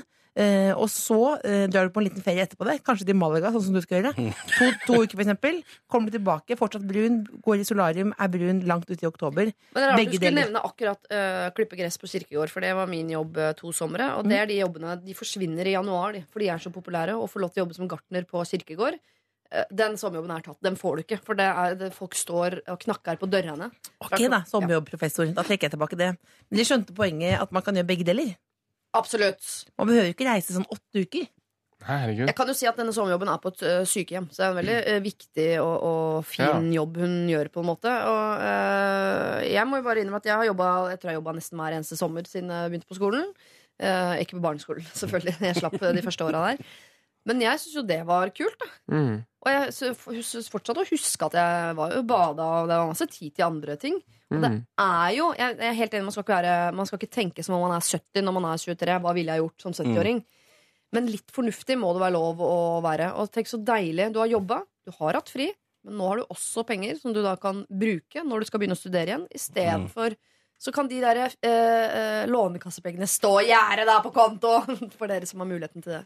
Ja, jeg husker at jeg også jobba masse somre, eh, men jeg hata det. Eh, fordi alle andre gjorde masse gøye ting, og jeg måtte legge meg tidlig hele tiden. Stå, det, jeg synes det var det, det, det skulle jeg heller jobba eh, andre sesonger enn sommeren. Verste sesongen å jobbe. med. hva skjedde med helt om dagen, helt om natta? På en måte? Du bare... Det er bare kødd. Nei, du gikk i begge, 23 er ikke det kødd. begge deler, liksom. Nei, da er det deg det er- var noe gærent med. Uh, ja, muligens, men i hvert fall. Uh, altså, det er ikke noe deilig å gå en hel sommer uh, og stå opp tidlig. Nei, nei, det er ikke Når ingen noe. andre gjør det. Nei. Så jeg, altså, jeg, jeg er 100% på å bare stikke. Uh, men i hvert fall hvis du har jobba to somre. and eh, Det er altfor fornuftig og kjedelig valg. Altså, du har, du har jobba to somre, nå stikker du. Tar du med alle de pengene, så stikker du og gjør noe gøy hele sommeren. Masse. Ja, masse, masse, Masse, masse, masse gøy. Ja. Ja. Jeg blir så bekymra. Ja. Du kommer til å oppleve masse rart nede i Europa. Nei, jeg tenker vel Jeg ville Men hvis du bare Du får jo bare mer penger å bruke hvis du jobber litt først. Ja, men du må jobbe. Ja, men, ikke sant? Jeg, er litt, jeg heller- kanskje mot den litt nå også. Jobb to uker, da. Ja, To uker. Har du tjent, hva? hva tjener du på to uker? da? Sikkert uh, underkant av 10 000 kroner? Ja, ja. Det er digg å ha med seg det? Det er en uke på av det. Ikke sant? Mm. Ja, det er to uker du aldri får tilbake, men ok, jeg kan være med på å jobbe to uker, men ikke noe mer. Ok, Da setter vi grensen der. Ja. Da har vi tatt et valg for eh, eh, Mia. Du må høre både på foreldrene dine og du må høre på den reiselystne siden av deg. Du skal gjøre begge deler. Du skal jobbe i to uker, tjene i underkant av 10 000 kroner. Så setter du deg på tog og reiser på interrail nedover i Europa. Og da kan du bruke av de 10 000 kronene med god samvittighet før du må åpne studielånkassa di. Hvis du som hører på har et problem, så send det inn til oss eh, her vi sitter. LR, alfakrøll, nrk.no.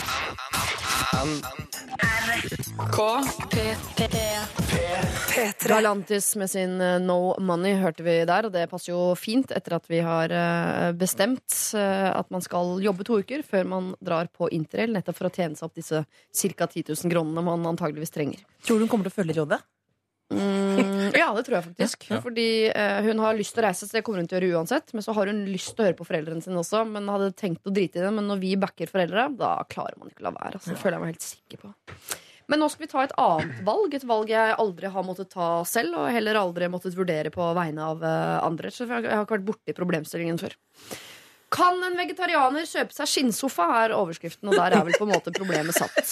Jeg har forelsket meg i en brun skinnsofa fra Ikea, Stockholm-serien, og vurderer sterkt å kjøpe denne eh, da jeg må ha ny sofa nå.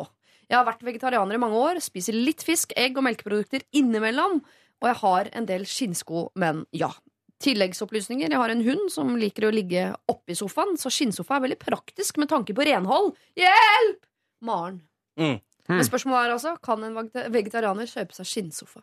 Eh, I min verden så kan en vegetarianer gjøre akkurat som Akkurat en vegetarianer vil, Ja. eh, egentlig. Eh, men hvis, eh, liksom, eh, hvis det er dyrevern er store deler av eh, vegetarianergrunnen hennes, Ja. så vil det være, altså, da blir det liv å lære. Da, da blir det litt vanskelig å liksom, Da kommer Mm. folk til å kødde med deg. Det blir litt som å være liksom, kommunist med svømmebasseng. Altså, Ja. Noen kommer til å kødde litt med deg. Ja, men er det liksom er, En skinnsofa er jo ikke som å gå med en pelskåpe, er det det? vel? Er det, ikke, det er jo skinn, da. Et dyr har blitt flerra. Ja, sikkert flere òg. Godt sagt. Lagde en hel sofa. Og nå ble jeg engstelig. Ja, Dyr har blitt flere, ja. Ja. Og det fins alternativer i bomull. Ja. Jeg er enig med Ken. jeg. Det, er, det er liksom, blir liksom sånn det, Ja, altså, du kan gjøre det, men da må du la folk kødde med det. ja, Altså, du kan ikke bli nærtagen. Og som du sier, det er liksom grunnen Hvorfor er du vegetarianer? Er det, fordi du, er det fordi du genuint bryr deg skikkelig om dyr? Og ikke syns at dyr skal bli behandlet som, eh, som midler og eh, produkter? Så, Ja. så burde du ikke kjøpe en, et produkt som er laget av et dyr, da? Altså, jeg har problemer med skinnsofa i utgangspunktet, men det er mer av sånne interiørmessige grunner. Det har ingenting med dyr å gjøre. Men eh, hvis du Mm. først skal kjøpe skinnsofa, så må du begynne å spise bacon. Det mener jeg. Eh, Ja, ja. Jo, hvis man først skal ha prinsipper, eh, Mm. som dere sier. Er du vegetarianer for det er synd på dyr, kan du ikke kjøpe skinnsofa. Men kan man undersøke, kan man undersøke om eh, skinnsofaene som er laget til Stockholm-serien i Ikea, hvordan de dyrene er behandlet? Altså hvordan på en måte de er flerret? Før de ble flerret. Ja. Om de hadde hatt et godt liv Ja. før Ja. de ble sofa. ja, Kan man undersøke det? Ja. Hjelper det, på en måte? Altså, jeg, jeg, vet, jeg, vet, jeg, jeg tenker jo at altså, Nå spørs det jo hvis vegetarianergrunnen din er at du bare ikke liker kjøtt, liksom. Så kan du bare lure på. Men det er det ikke. det Nei, er det sannsynligvis ikke. dyr, vil jeg tro. da Ja. Uh, Og da er det jo på en måte sånn um, Det at du skal sitte på noe laget av et dyr, er jo mye verre enn at du skal faktisk spise og overleve fordi du spiser dyr. Ja, faktisk. Eh, I, synes hvert fall i mitt hode. Mm. Uh, Så det, vil, det, det blir, vil jo bli helt sånn feil, da. Ehm, Jeg skjønner, jeg synes, men det, siden å stille spørsmålet, så har du jeg så jæskla lyst på en sofa, da. Ja, Dere har kanskje Eh, ikke sett en Stockholm-serie, men det er faktisk en fin eh, sofaserie, faktisk. Sikkert en fin sofaserie. Ja. Ja, og hun har jo allerede skinnsko, så hun har jo på en måte allerede så er jo, har jo et lite svømmebasseng i hagen. Liksom. Mm. Eh, Jeg er verdt å skyte inn at jeg, jeg, i hvert fall jeg stusser hemningsløst over folk som, som bare sånn, ja, jeg er vegetarianer, men så spiser du fisk. Jeg er sånn, det er, fisk er ikke en grønnsak. Nei, det er jo, det er jo faktisk ikke det. Vegetarianer. Fisk Ja, men- er ikke Men det høres ut som hun er vegetarianer pga. hvordan eh, dyr blir behandlet Ja. eh, for å bli Men hvorfor spiser hun fisk, da? Fisk ble behandlet helt grusomt. Ja, men da er det... det har ikke følelser eller Men det er bare det er myter. eller- Ja, det er så vanskelig å se personligheten deres. fisk, fisk, fisker har de samme smertereseptorene som mennesker har. Jeg skulle klart å se inn i øynene på en fisk mens jeg kvalte den, på en måte, Ja. men ikke et rådyr. Fisk klarer ikke å uttrykke uh, følelsene sine like sterkt som andre dyr. Så det er vanskelig å ikke noe lyd. Nei, de, de står bare og flapper og blinker med øynene. Eh, Fisk har et imageproblem, på en måte. ja, Absolutt. Ja, det. Ja, det er som. Venstre. Vi sliter med å komme igjennom, liksom. Men nå skal hun, så hun skal ikke få sofaen hun vil ha. Hun må kaste sko, hun kan ikke spise fisk. Altså, det er jo nesten som det er, er det et vegetarianerparti vi skal ha liksom her, da? Er det er hun som er vegetarianer, var hun som begynte. Ja, ja, men ikke bli sur på henne fordi hun er vegetarianer, da. Jeg er sur Det er jo litt generelt. irriterende. Da. Jeg ville jo selvfølgelig kjøpt den sofaen. Ja. Ja. Det eneste at du blir nå i sommermånedene så blir du veldig klamt å sitte i skinnsofa, men det er et helt annet problem. Er Shorts i skinnsofa er døvt. Ja. Ja, eh, spesielt boksershorts. Jeg liker å sitte i sofaen i boksershorts, mm. og jeg har skinnsofa. Vil ikke anbefale det. Nei. Eh, så ikke kjøp skinnsofa. Kjøp noe annet. Men hun tenker på denne lille hunden, da. Ja, men hunden kan sitte Hun overalt. Um, Kan så hun si, lære ja. Hva, Men- Ikke kjøp hvit sofa, da. Det er ikke noe lurt hvis du har hund. Tror du at hun hver gang hun setter seg i sofaen, vil tenke på at dyr er flerret eh, for denne gleden? Så vil det kanskje ødelegge såpass mye av følelsen At jeg kanskje ville gått for en mer sånn stor sånn eh, saccosekk eller noe sånt noe. Ikke i skinn, men i kålfløyel. Ja, Sky, kanskje? Jeg syns dere er litt lite sånn prinsippfaste nå. For jeg tenker at Hvis hun kjøper seg en skinnsofa, så skal hun være flau over å være vegetarianer etterpå. Eller da må hun faktisk eh, innrømme at det er vegetarianergreiene. Det er bare sånn jippo og image-greie som jeg bare har sagt fordi Ja. hun kule i klassen var det, eller et eller annet. Altså, hvis du, hvis Det blir du litt sånn. mener fra eh, bunnen av hjertet ditt at jeg, jeg, må, jeg kan ikke spise kjøtt, for det er så synd på dyra, da kan du ikke sitte på en daud ku. Altså, Men det kan virker jo bare ved å sende inn dette, denne problemstillinga, så, så er du på en måte allerede litt sånn uh, Hun burde ikke være vegetarianer. Nei, Hun er ikke nei, jeg vet ikke om hun er helt vegetarianer i hodet. Nei. Kanskje du bare skal slutte med det? Begynne å eh, spise kjøtt? Eller i hvert fall ikke flagge det så kraftig at du er vegetarianer. Hun er Gud, så strenge de er. Nei, men Da kommer man unna med alt. Hvis du, altså, du, kan du trenger ikke å spise kjøtt hvis ikke du liker det, men ikke gå rundt og være sånn vegetarianer. Liksom bare ikke spis kjøtt, og kjøp skinnsofa. Um, så er det ingen som vet det, og da kan du gjøre hva du vil. Her, eh, Vi ser jo noen nye valg for deg her nå, Maren. Enten må du ta bort den vegetarianertittelen du har gitt deg selv. Eh, du må gjerne la være å spise rødt kjøtt og sånn. Du kan ikke gå rundt på en måte, Du kan ikke gå inn i parol, parolen 'vegetarianer'. Det er synd på dyra hvis du sitter i en skinnsofa. Men hvis du føler at du går under den parolen eh, hvor det står eh, 'nei til slakting av dyr', ja, så gjelder det også i aller høyeste grad eh, møblement. Så eh, Du skal ikke spise en spise sofaen! Nei, men du har drept broren til den kua som du kunne ha spist biff av. Det hadde vært bedre hvis du spiste i sofaen. Men jeg ville ringt Det Ikea og spurt hvordan spise er kjøtt enn å sitte på kjøtt. Sånn rent, eh, jeg, skal ringe, Det jeg skal ringe Darwin nå og høre eh, hva som er viktigst. Spise kjøtt eller sitte på skinn. Jeg er ganske sikker på om at jeg er enig i det der. Maren, er du vegetarianer, så kan du ikke kjøpe skinnsofa. Men det er lov å kjøpe skinnsofa. Men da er du ei en vegetarianer.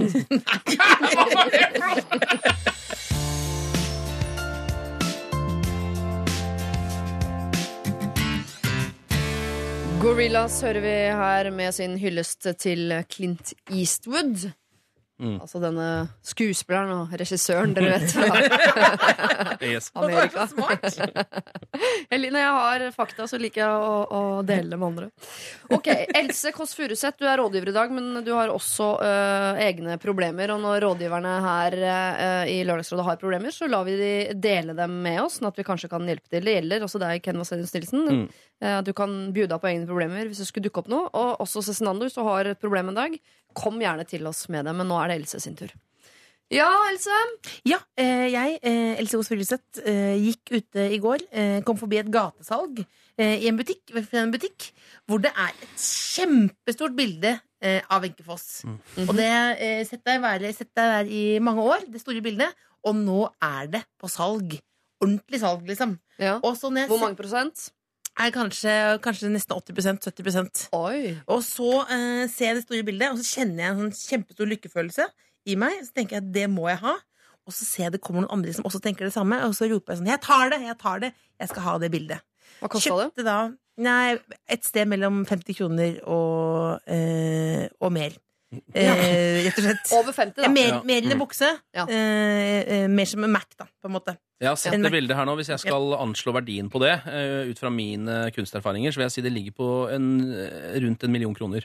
Cirka millionen. Ja, litt i underkant, Har du kanskje. kjøpt mye kunst, Ken? Eh, vel- Million kroner! Er du helt, er det helt jeg mener at det, Det at er det grafikk på kjempepapir, liksom. ja, ok, da, Rundt eh, 100 000, da, vil jeg si. For, meg, for min det er del så så jeg ble jeg veldig veldig glad av å se på bildet. Da, Ja. eh, så det, så da f- forsvant eh, fornuften rett ut av huet på meg. Mm. Eh, og så sto jeg der, og så tenkte jeg etterpå nå boom, hvordan skal jeg få det inn i leiligheten? Og det er bildet jeg har kjøpt, så det er ikke problemet. Bildet er men, kjøpt. Men, Bildet er kjøpt. får det ikke inn i Problemet er hvordan får jeg det inn i leiligheten. Hvor stort er det? Det er eh, høyere enn meg. Det er som eh, hvis jeg har en femåring oppå hodet mitt. Ja. står rett opp, da Så høyt er det cirka. Mm. Og så er det som eh, to meg i bredden, på en måte, nesten. da Det er veldig stort. Så det er Eh, to meter høyt og to meter bredt? Ja, cirka. Ja. cirka. Og så bor jeg eh, på 50 kvadrat, eh, og så er det da ganske mye trapper og inne for å komme inn der. Ja. Eh, så jeg lurer på om er du har en veranda, har du ikke Jeg det? har en veranda. Mm. Skal det heises inn? Mm. Eh, må det Altså, jeg lurer på om jeg rett og slett ikke får det inn. Må jeg sette det opp i gata, på en måte? Ha det som en slags sånn inngangsdør? Ja. Ja. Jeg vil bare, eh, til deg som hører på, Hvis du vil se bildet, uh, hvor du også har lagt ved deg selv som fyrstikkeske på det bildet, på en eller annen måte, bare for å vise størrelsen på det, Det så ligger det på Facebook-siden til Lørdagsrådet nå. Hvis du går inn og ser. Det er Er det- Utrolig kult bilde. Jeg skjønner kjempegodt at du kjøpte det. Du fortjener det, og du kler det, og du må ha det. Er det et stort nok problem for oss? Å ta tak i. Absolutt. Ja. Jeg elsker sånne problemer. Eh, men dette er et praktisk problem, og det har Det er vi for lite av i Lørdagsrådet. Så jeg setter veldig pris på det. Eh, hvordan får man dette bildet inn i leiligheten da, gutter? Dere skal jo, altså Mm. bare ut, Fordi dere bærer på sædceller, så skal dere jo være handy, ifølge Mm. Darwin. Eh, ja, Der har jeg ikke så mye å by på, men kreative løsninger er jeg litt bedre på. Eh, hvis du ikke får det inn i oppgangen, så hadde det vært deilig å gjort det til en slags dør. Altså at du kan sette det utafor døra eh, og dele det i to. Så det Mm. liksom åpner seg til hver sin side. Når folk kommer Mm. inn til deg, så går de gjennom Wenche Morsomt eh, bilde, men jeg vil si at det, et, det bildet skal ikke ødelegges.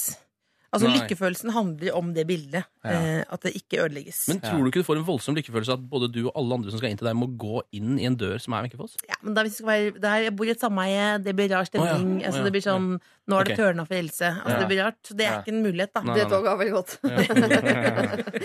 Men du kunne hatt det hengende foran døren i en slags eh, med en sånn trampesfunksjon. At du må dra det opp. Ja, det var den For at døren som skal komme til syne. Var fin, da. Ja, ut, ut på gata, rett og slett. Ja, men vi- Ja. det regner og blåser. her. Ja, da blir det ødelagt. Da. Det varer jo en uke, det. Ja. Det juniværet her kommer ikke til å holde seg, ikke sant? Nei. Stjålet blir det òg. Men Er det da- ramma inn, eller? Det er ramma inn, ja. Så Mm. er det, det er en ramme bak, da. Men Er det ikke mulig å fjerne den? Det er et lerret, som vi sier. Ja, lerret, ja. Mm. Ja. Spent over en treramme, antagelig. Kan man heise det inn eh, Kan man heise det inn gjennom vinduet? Men vinduet er for lite. Ja, ikke sant? Ja, det, Men hvis du har råd til å bruke så uh, mye penger på et kunst, du skulle ikke bare kjøpt en litt større leilighet, da? Med større dør? Så du sier at dette er et ilandsproblem? Sier du. Jeg, bare, jeg skal, kommer, kommer aldri til å flytte. Ilandsproblemer har ilandsløsninger. Hva gjør vi? Jo, vi kjøper større hus. Eh, Du kjøper tomt og bygger huset rundt bildet. Bare rundt bildet, rett og slett. Ja. Du må bygge eh, leiligheten rundt bildet. Ja, men jeg har, det, det, jeg, har, jeg har ikke den kapasiteten. Da blir det ender med at jeg bor på et jorde med et lite telt, og så står bildet utenfor. på en måte Jeg kommer aldri til å bygge et hus. Nei, jeg ser Jeg bare, hvordan få det inn Altså, bildet er større enn døra og vinduet. Ja. Hvordan få det inn? Har du noe å bjuda på her, eh, handyman Cezinando? Har du bakgård? Bakgård, ja. Hva med mm, partytelt i bakgården med bilde i? Ja, hva med det?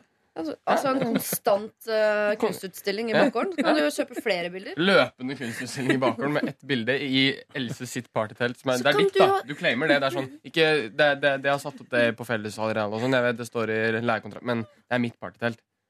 Og så kan du ha standup inni der på fredagene. Ikke minst. ja men du, takk for, takk for kjempegod råd. Du, en- en Nå skjønte jeg hvordan alle lytterne som sender problemer, har det. Ja. Er det på denne måten de behandler helt reelle problemer på? Nei, Du skal få en løsning. Espen har skrevet på Facebook eh, noe som jeg har tenkt å foreslå selv. At når det er en ramme som dette lerretet er spent opp på, så kan du løsne ramma. For eh, lerretet kan du bare rulle, og så tar du det inn i leiligheten som en eh, rull, og så fester du opp ramma igjen. Klarer jeg å feste opp ramma på Det riktig måte? Det kan jeg hjelpe deg med. Hvis du barberer leggene mine, så kan jeg gjøre dette. Ikke Sånn. Noe Det er å inngå en pakt med djevelen, altså. Da har vi løst to problemer. Jeg har fått glatte legger, og Elsa har fått et svært bilde av Wenche Foss inn i den bitte, bitte lille leiligheten. Vi lever i et i-land, og det skal vi bare ta inn over oss. Takk for meg. Nei, nei, nei, nei, nei, nei. Dette er P3. Vi skal videre til et eh, problem som jeg vil si at i all hovedsak handler om empati. Mm. Eh, Else oss Furuseth, har du empati, ja eller nei? Jeg vil jo tro det. Håper jeg. Ja eller nei? Ja. Mhm. Cezinando, eh, empatisk type? Empatiker. Empatiker, bra! Ken Vasenius Nelson, åssen er det hos deg? Jeg er rimelig sterk på den fronten. Rimelig sterk Mm. på empatifronten. Ok, Da kan det hende at det er uh, Sigmund i eksil her. At han uh, får mye støtte fra dere på det han her skriver. Det er en ganske lang mail. Uh, ta gjerne notater. For et, omtrent ett år siden ble jeg kjent med en dame gjennom jobb. Vi er begge i 30-årene. Jeg ble umiddelbart betatt. Hun er vakker, svært hyggelig og har en enorm utstråling og sjarm. Betatt som jeg var, søkte jeg henne opp på Facebook og fant ut at hun var gift. Ja ja, tenkte jeg, og bestemte meg for å ikke gjøre noen fremstøt overfor henne. Når arbeidsgruppa var ferdig, begynner hun å spørre meg en del om jobbrelaterte saker. Kontakten, stort sett via Messenger, blir mer og mer privat, og vi blir godt kjent. Følelsene mine blir sterkere. En periode føler jeg at hun snakker mer med meg enn med mannen sin. Denne blir kjent-perioden sammenfaller med at jeg blir deprimert og sykemeldt. I den verste perioden hadde jeg det veldig tungt, og selv i chat med henne hadde jeg, det, hadde jeg vanskelig for å vise glede. Og til slutt innser jeg at det ikke kan bli noe mellom oss. Hun sier eh, så at vi ikke kan ha kontakt hvis ikke jeg slutter å være så negativ. Jeg ber om unnskyldning og fortsetter å ha kontakt på Messenger. Omtrent en uke senere er jeg heldig og får tak i billetter til en finale med mitt favorittfotballag. Det ga meg glede i denne tunge perioden. På uh, turen får jeg en melding der hun spør hvordan det går med meg, og jeg svarer. Først er hun positiv. Tommel opp og mange smilefjes osv. Men så snur hun tvert. Hun syns det er drøyt av meg å reise når jeg er sykemeldt. Jeg forklarer at både lege og sjef har gitt meg grønt lys, og at en slik tur bare er positivt for meg. Dessuten er jeg ute av landet i kun et drøyt døgn. Hun finner det provoserende at jeg er for syk til å jobbe, men tydeligvis frisk nok til å reise på fotballtur, mens hun så er så trøtt selv at hun nesten er på gråten, men allikevel prøver å gjøre jobben sin. Og så eh, er det en helt sånn Messenger-samtale hvor det er mye dårlig stemning mellom eh, de to, og de blir til slutt enige om å ikke ha mer kontakt. Og så skriver han Jeg har vist chatteloggen til flere venner og kollegaer, og de reagerer med avsky og forferdelse.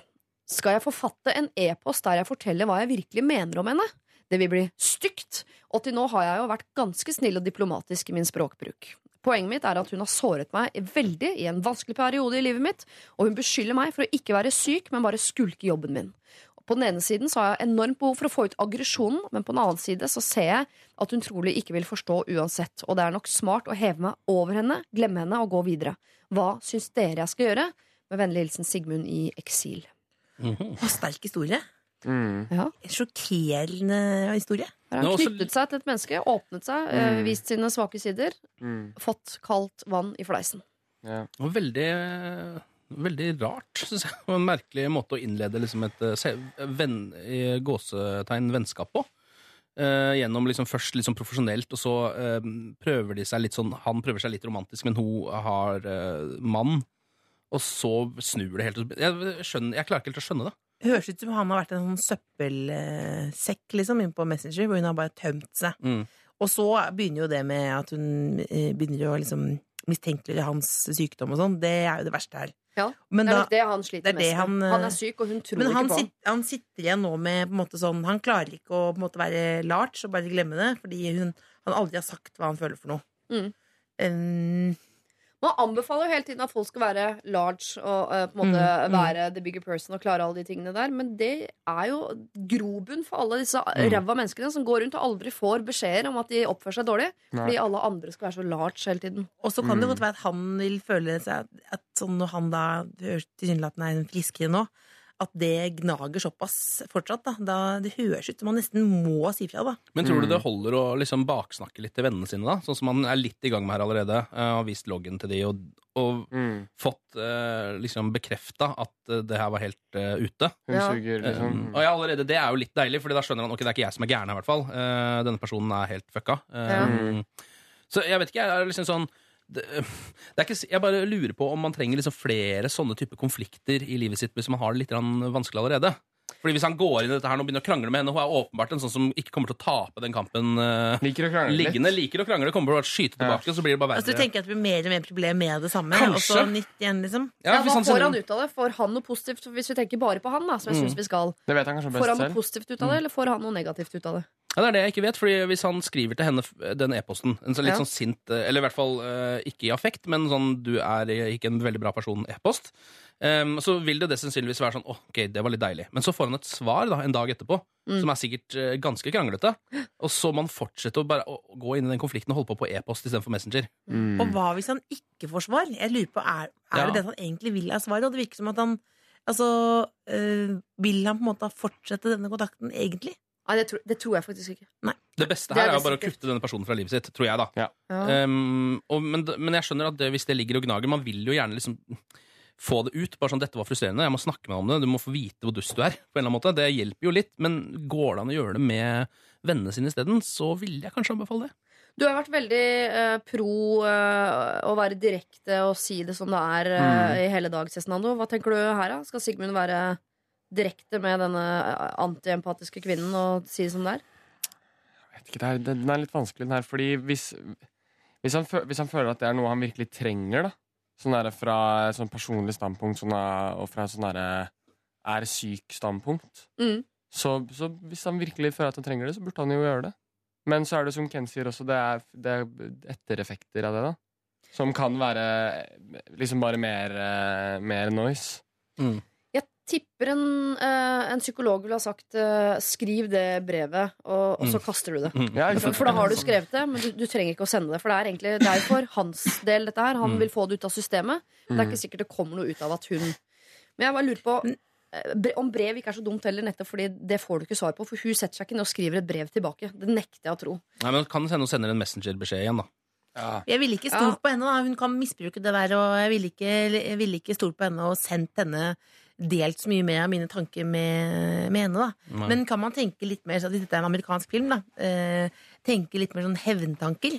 På en måte at man kunne eh, på, ja, på en måte vil, Han vil på en måte straffe henne på et eller annet vis. Dette er ikke greit. Ja. Kan han, liksom, mm. han kan ikke si det til sjefen, for det er, jo, eh, det er jo lov å være idiot på Messenger. på en måte Det er jo ingen lov mot det. Men kan du på en måte gjøre noe som gjør Han vil vel gi litt smerte tilbake, er det ikke det? Eller hva? Jo. Jo, eh, jeg tror i hvert fall han vil at hun eh, skal være lei seg, på en eller annen måte. Han kan jo ta og bestille en hel haug med Foodora til henne, da, eh, som kommer på døra. For eksempel åtte kyllingsandwicher fra, Ja, ja. fra eh, hønseriet et eller annet sted. Men det, jeg har gjort det en venninne gang. Bare bestille en strippe på hennes arbeidsplass, som kommer og stripper for henne. Og så Mm. går igjen. Det er veldig nedverdigende. Ja, Både for stripperen og henne. Stripping på dagtid, altså. ja, Ja, ikke sant? Strikker vi, ja. Strippe i dagslys. Alt det der er, eh, alt det der er fælt. Eh, Jeg, Sigmund slår meg ikke som typen som bestiller stripper og, og, og kyllingsandwicher, men um, Jeg tror, men jeg tror vel at det å skrive et brev som du ikke sender, det, Ja. det er ikke så dumt. Og så baksnakke Og så litt. Bruke baksnakking, ja. for det virker som uh, denne personen, uh, denne dama, er litt sånn som uh, det ugandiske ik-folket, som altså ikke har empati, eh, og som ler av folk som fins det et blir ugandisk ik-folk uten empati? Ja, eh, det var mye snakk om de på 70-tallet. Um, jeg tror folk har funnet ut at de kanskje hadde litt empati, men de var bare litt rare. Um, men de ler av drap og sånn, syns det er gøy. Eh, så det virker som hun er litt sånn. Altså ikke sånn veldig mye forståelse for det som foregår på andres hoder. Ja. Eh, så det å gå inn i en liksom, konflikt der tror jeg kan slå alle mulige veier, og sannsynligvis bare være støy for deg. Um, Så det er liksom Ja, sk- skrive et brev kjøre psykologimetoden. Se om det funker. Og så ikke del noe mer med henne. Hun misbruker det. Mm. Hun, er ikke, hun er ikke verdt det. Kommer til å bruke det mot deg. Mm. Vi vet, vi vet jo ingenting om henne om hvorfor hun reagerer som hun gjør. Kanskje hun har en uh, mor som har snytt på uh, Nav hele livet. At hun har ganske mye sånn, et beger fullt av aggresjon mot folk som, uh, som hun- snylter seg unna. Sånn, så hun, bare, hun har det, de brillene på hele tiden. At hun bare «Åh, Den fikk nok. Så høres det ut som ikke hun har det så bra, hun heller. da Så Det det, kan jo være Mm. en forklaring, i hvert fall. Det som er viktig her, Sigmund, er jo at du har det bra, og så, øh, så driter vi henne på en eller annen måte. Eh, Men for at du skal ha det bra, så hører jeg at du trenger å få ting litt ut av systemet. Så kanskje du rett og slett skal eh, skrive det ned. Med all den aggresjonen du vil, og så lar du det ligge litt. Og så leser du det, så ser du er dette noe jeg skal sende. Og hvis fortsatt behovet er der for å sende det til henne, at det ikke har hjulpet å bare få det ut av systemet og ned på papiret, så syns jeg du, du kan sende det. Du skal jo ikke skåne hun på noe som helst måte. Hvis du får noe ut av å si dette til henne, så er vi tommel opp for det, er vi ikke det? Jo. Ja. Jo. jo. Tommel opp for det, altså, Sigmund. Jeg ønsker deg lykke til. Jeg vil gjerne vite åssen det går også, så send mail til lralfakrøll.nrk.no og si hva du endte opp med å gjøre, og hvilken effekt det eh, hadde til syvende og sist. Dette er Er P3. Vi skal uh, kanskje på festival, folkens. Uh, Jeg vet jo at du i utgangspunktet er en festivalglad mann. Ken Vasenus Nilsen. Er ikke du Jo. forhenværende teltmann på festival? Jo, forhenværende. Ja. Det er veldig mange år siden. Um, og så har jeg blitt mindre og mindre glad i musikk for hvert år. Eh, Så nå Hva? går jeg egentlig bare rundt på festivalene og prøver å unngå de fleste konsertene. Du går Eh, bare rundt og drikker økoburger og drar deg i skjegget, du nå. Ja, faktisk. Det er det jeg gjør. Ja. Um, og, ta, og ta bilder eh, av folk. det er det. Eh, Else Kåss Furuseth, er du en festivalgjenger, egentlig? Ja, jeg koser meg veldig. Det er jo my- mye pga. mattilbudet, eh, venner Ja. eh, og vær. Det er veldig sånn Det er koseorientert, rett og slett. Mm. Åssen er det med deg, Cezinando? Går du på festival? Um, jeg Du var skal på kanskje spille på en del festivaler i år? Ja, eller? det er, det er det som er liksom i, sist, I fjor og i år, da, så blir det liksom å få spille på de. Ja. Men uh, jeg var på Roskilde året jeg fylte 18. Året Ja. etter, for så vidt. ja, I telt? I telt. I telt, ja. Hvor skal du spille i år, da? Mm, førstkommende nå neste helg, 11. eh, 11. juni, på Mablis i Stavanger. Ja. Så er det Stereo og Parken og Slottsfjell og Shit, skikkelig alt turné. Ja, ja, det er turné. Ja, ja. Kult. Mm.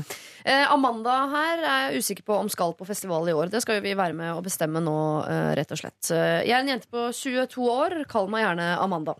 I fjor var jeg i et forhold med en vi kan kalle Simen. Det var et perfekt forhold på omtrent alle måter, helt til han flytta fra byen vi eh, begge bodde i, og, og jeg, jeg etter hvert begynte å miste følelser for han. Det var veldig vanskelig brudd, og jeg føler meg fortsatt kjip for å ha gjort det slutt, selv om det var riktig avgjørelse for meg.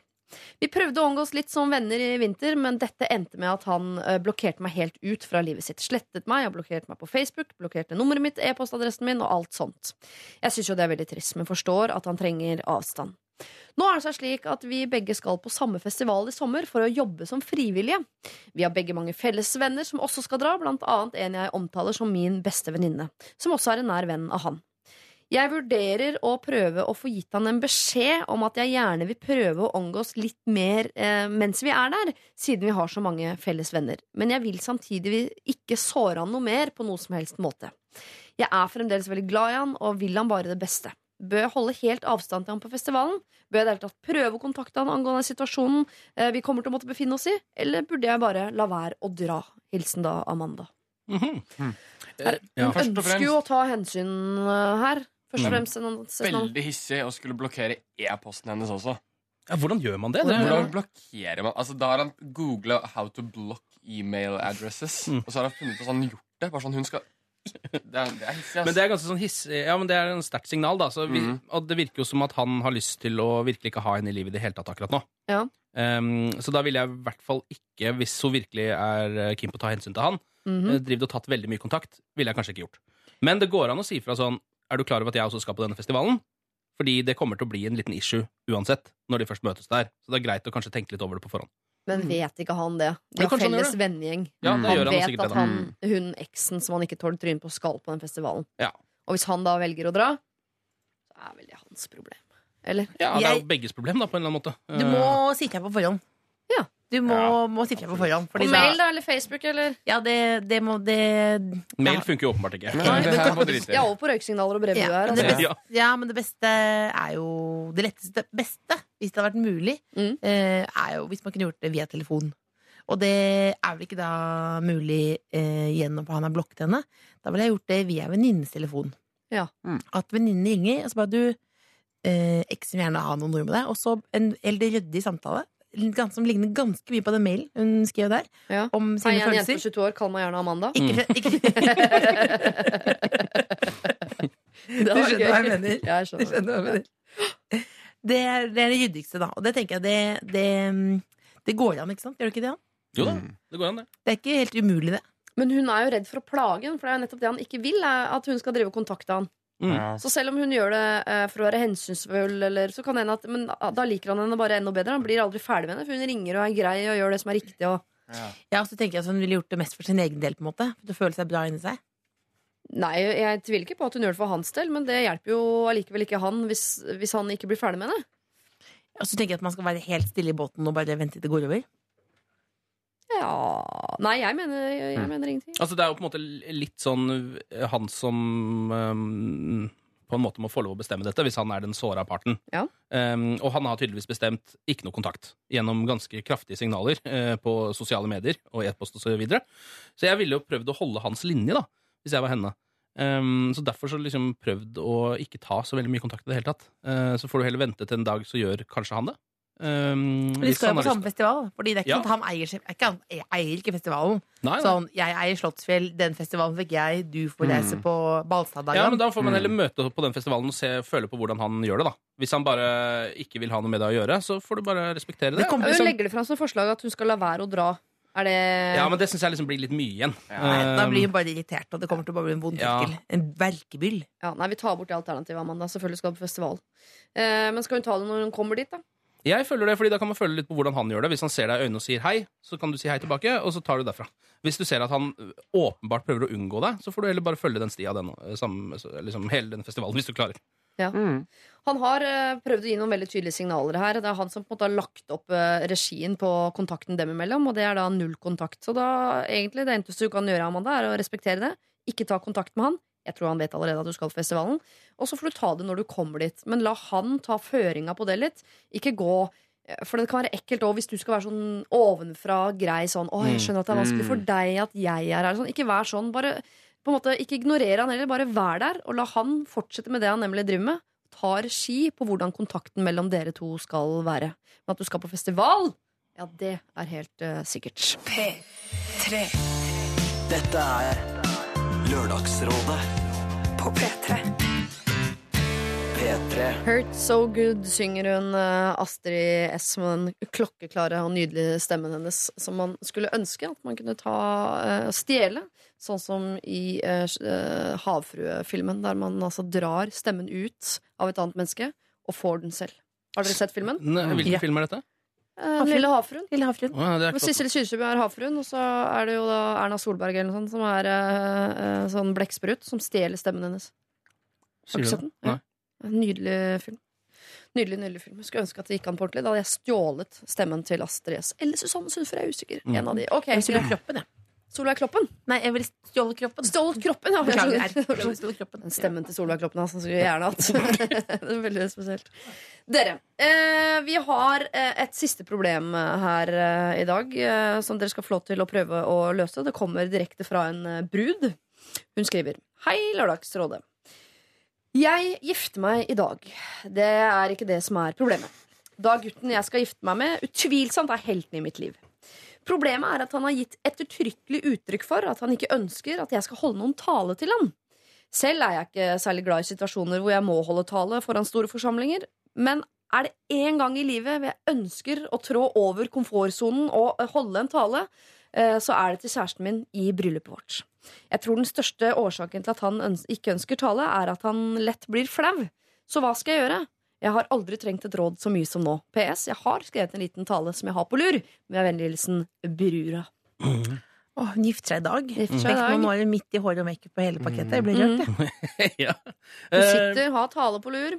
eh, færrest mulig taler i bryllup er jo en av mine kjepphester. Eh, den andre kjepphesten akkurat på det området er kortest mulig taler. Så hvis den er kort, kjør på, tenker jeg. Mm. Nei. Må ta den. Det er bare tull. Dum han ut. Samme han blir flau. Ja, det gjør ikke noe om man blir litt flau. Bryllupsdagen hans, jo.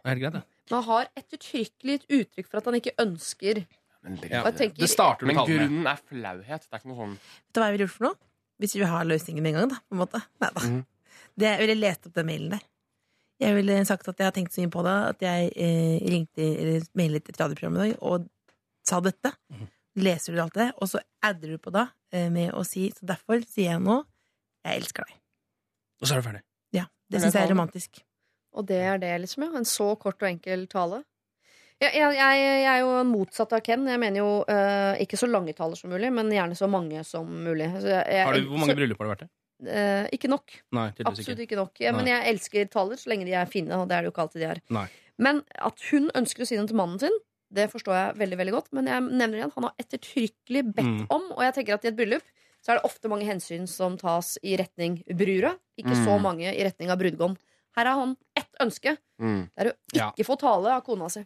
Okay, men Ja, da men ønsker jeg at kona ikke skal si høyt at hun elsker han, da bekla- beklager, lev med det. Du har fått et bryllup, det må du tåle. ja, Ikke ta hensyn i det hele tatt til han. Ja. Kjør på. Hold Altså, talen. Ja, jeg, jeg blir litt usikker nå når du Ja, ja, når Det er så rart at dere menn liksom ikke backer han i det hele tatt. Nei, men det er fordi jeg syns det er jeg, synes det bare, jeg, jeg kan ikke helt uh, empatisere med grunnen hans. Nei, det er akkurat Altså bare sånn flau. At du blir litt flau. Han har ikke gitt noen grunn. Det er hun som har laget en grunn. Skrev ikke, sto, Ja. Det sto noe om flaut der. Hun tror at Hun tror det. årsaken er Men hun Mm. kjenner vel mannen sin, da. Mm. Forhåpentligvis så er det jo Eller det er jo sikkert det, da. Hvis ikke det er det at uh, han mener at hun er en elendig taler, uh, i så fall, så eh, sympatiserer jeg veldig med han. Ja, det er gøy hvis Eh, det er av hensyn til henne. Men hun Ja, ja, og sånn. han selvfølgelig, Ja. som jo må sitte og høre på dette. eh, eller en makkverk av en tale som hun har tenkt å holde. Nei, Ja. Um, I så fall så ville jeg holdt den talen på soverommet eh, etter, bry etter bryllupet. Ja, det er fint. Det er veldig fint. At hun kan holde talen, fordi det er, hva er det viktigste? At han vet det, eller at alle vet Ja, det? ikke sant? For hele Ja, bryllupet er jo et tegn på at hun ja, men elsker ham. bryllupet så er det litt viktig at andre vet det også, skal jeg være helt ærlig. Og som eh, observatør i mange bryllup, eh, da Altså at noen sier eh, Du er observatør, du. Nå Ja, det, det- det, vil jeg- det vil si. At noen minner oss på grunnen. Altså, Vi er ikke her på grunn av at vi skal spise noe små tacotubs eller tapas. Ikke tacotubs, da, men Har du vært og spist tacotubs i bryllup, du? Ja, jeg kom fra Jessheim. Som observatør. Ja, ja, ja, ikke sant? jeg Og, da, og da mener jeg sånn at noen minner på årsaken, eh, det syns jeg er veldig fint. Årsaken til at vi er her, er men at jeg elsker deg. eh, siden han blir så flau, så tenker jeg hva med å bare kjøre inn sånn Runaway Bride, da? Bare droppe hele greia? Nei, nei, nei, nei, nei. Jeg bare tuller. Jeg Hva med mener- den rosa sangen? Nei, nei, Så nei. kan alle synge det. Uff, sang, det er jo Ja. Det tror jeg han Nei, bare nå bare glemte. du. Ja, men det tror jeg han glemte å nevne. Altså sånn, eh, og hvis du ikke skal holde tale, så hold i hvert fall ikke heller, ja. sang. Nei. Eh, For det er enda flauere. Jeg vet at du ikke vil ha en tale, men du sa ikke noe om stripping. Det er ålreit. Nei, Nå fjaser jeg bort alle eh, forslagene, fordi jeg klarer ikke å lande på noe. For jeg skjønner behovet for å, å si 'jeg elsker deg' til mannen sin foran masse mennesker. Mm. Men jeg syns også, hvis man hadde bedt, bedt om å ikke holde tale, så vis litt hensyn. da er, Hvis du elsker han, så gjør det, da. Ja, men da tenker jeg Du rekker opp hånda for første gang i dag. Det er Jeg spennende. Jeg, Eh, jeg, du kan holde en tale på en måte til familien hans. Altså Ja. ta det inn på et privat rom. Nei, ja, nei, men, nei, men takke familien, Mm. på en måte. Og så, eh, helt på slutten, så kan du si eh, 'jeg elsker deg', eller noe lignende etterpå, da. Men altså, du tar jo takke familien. Det syns jeg alltid er veldig koselig. Der har vi løsningen.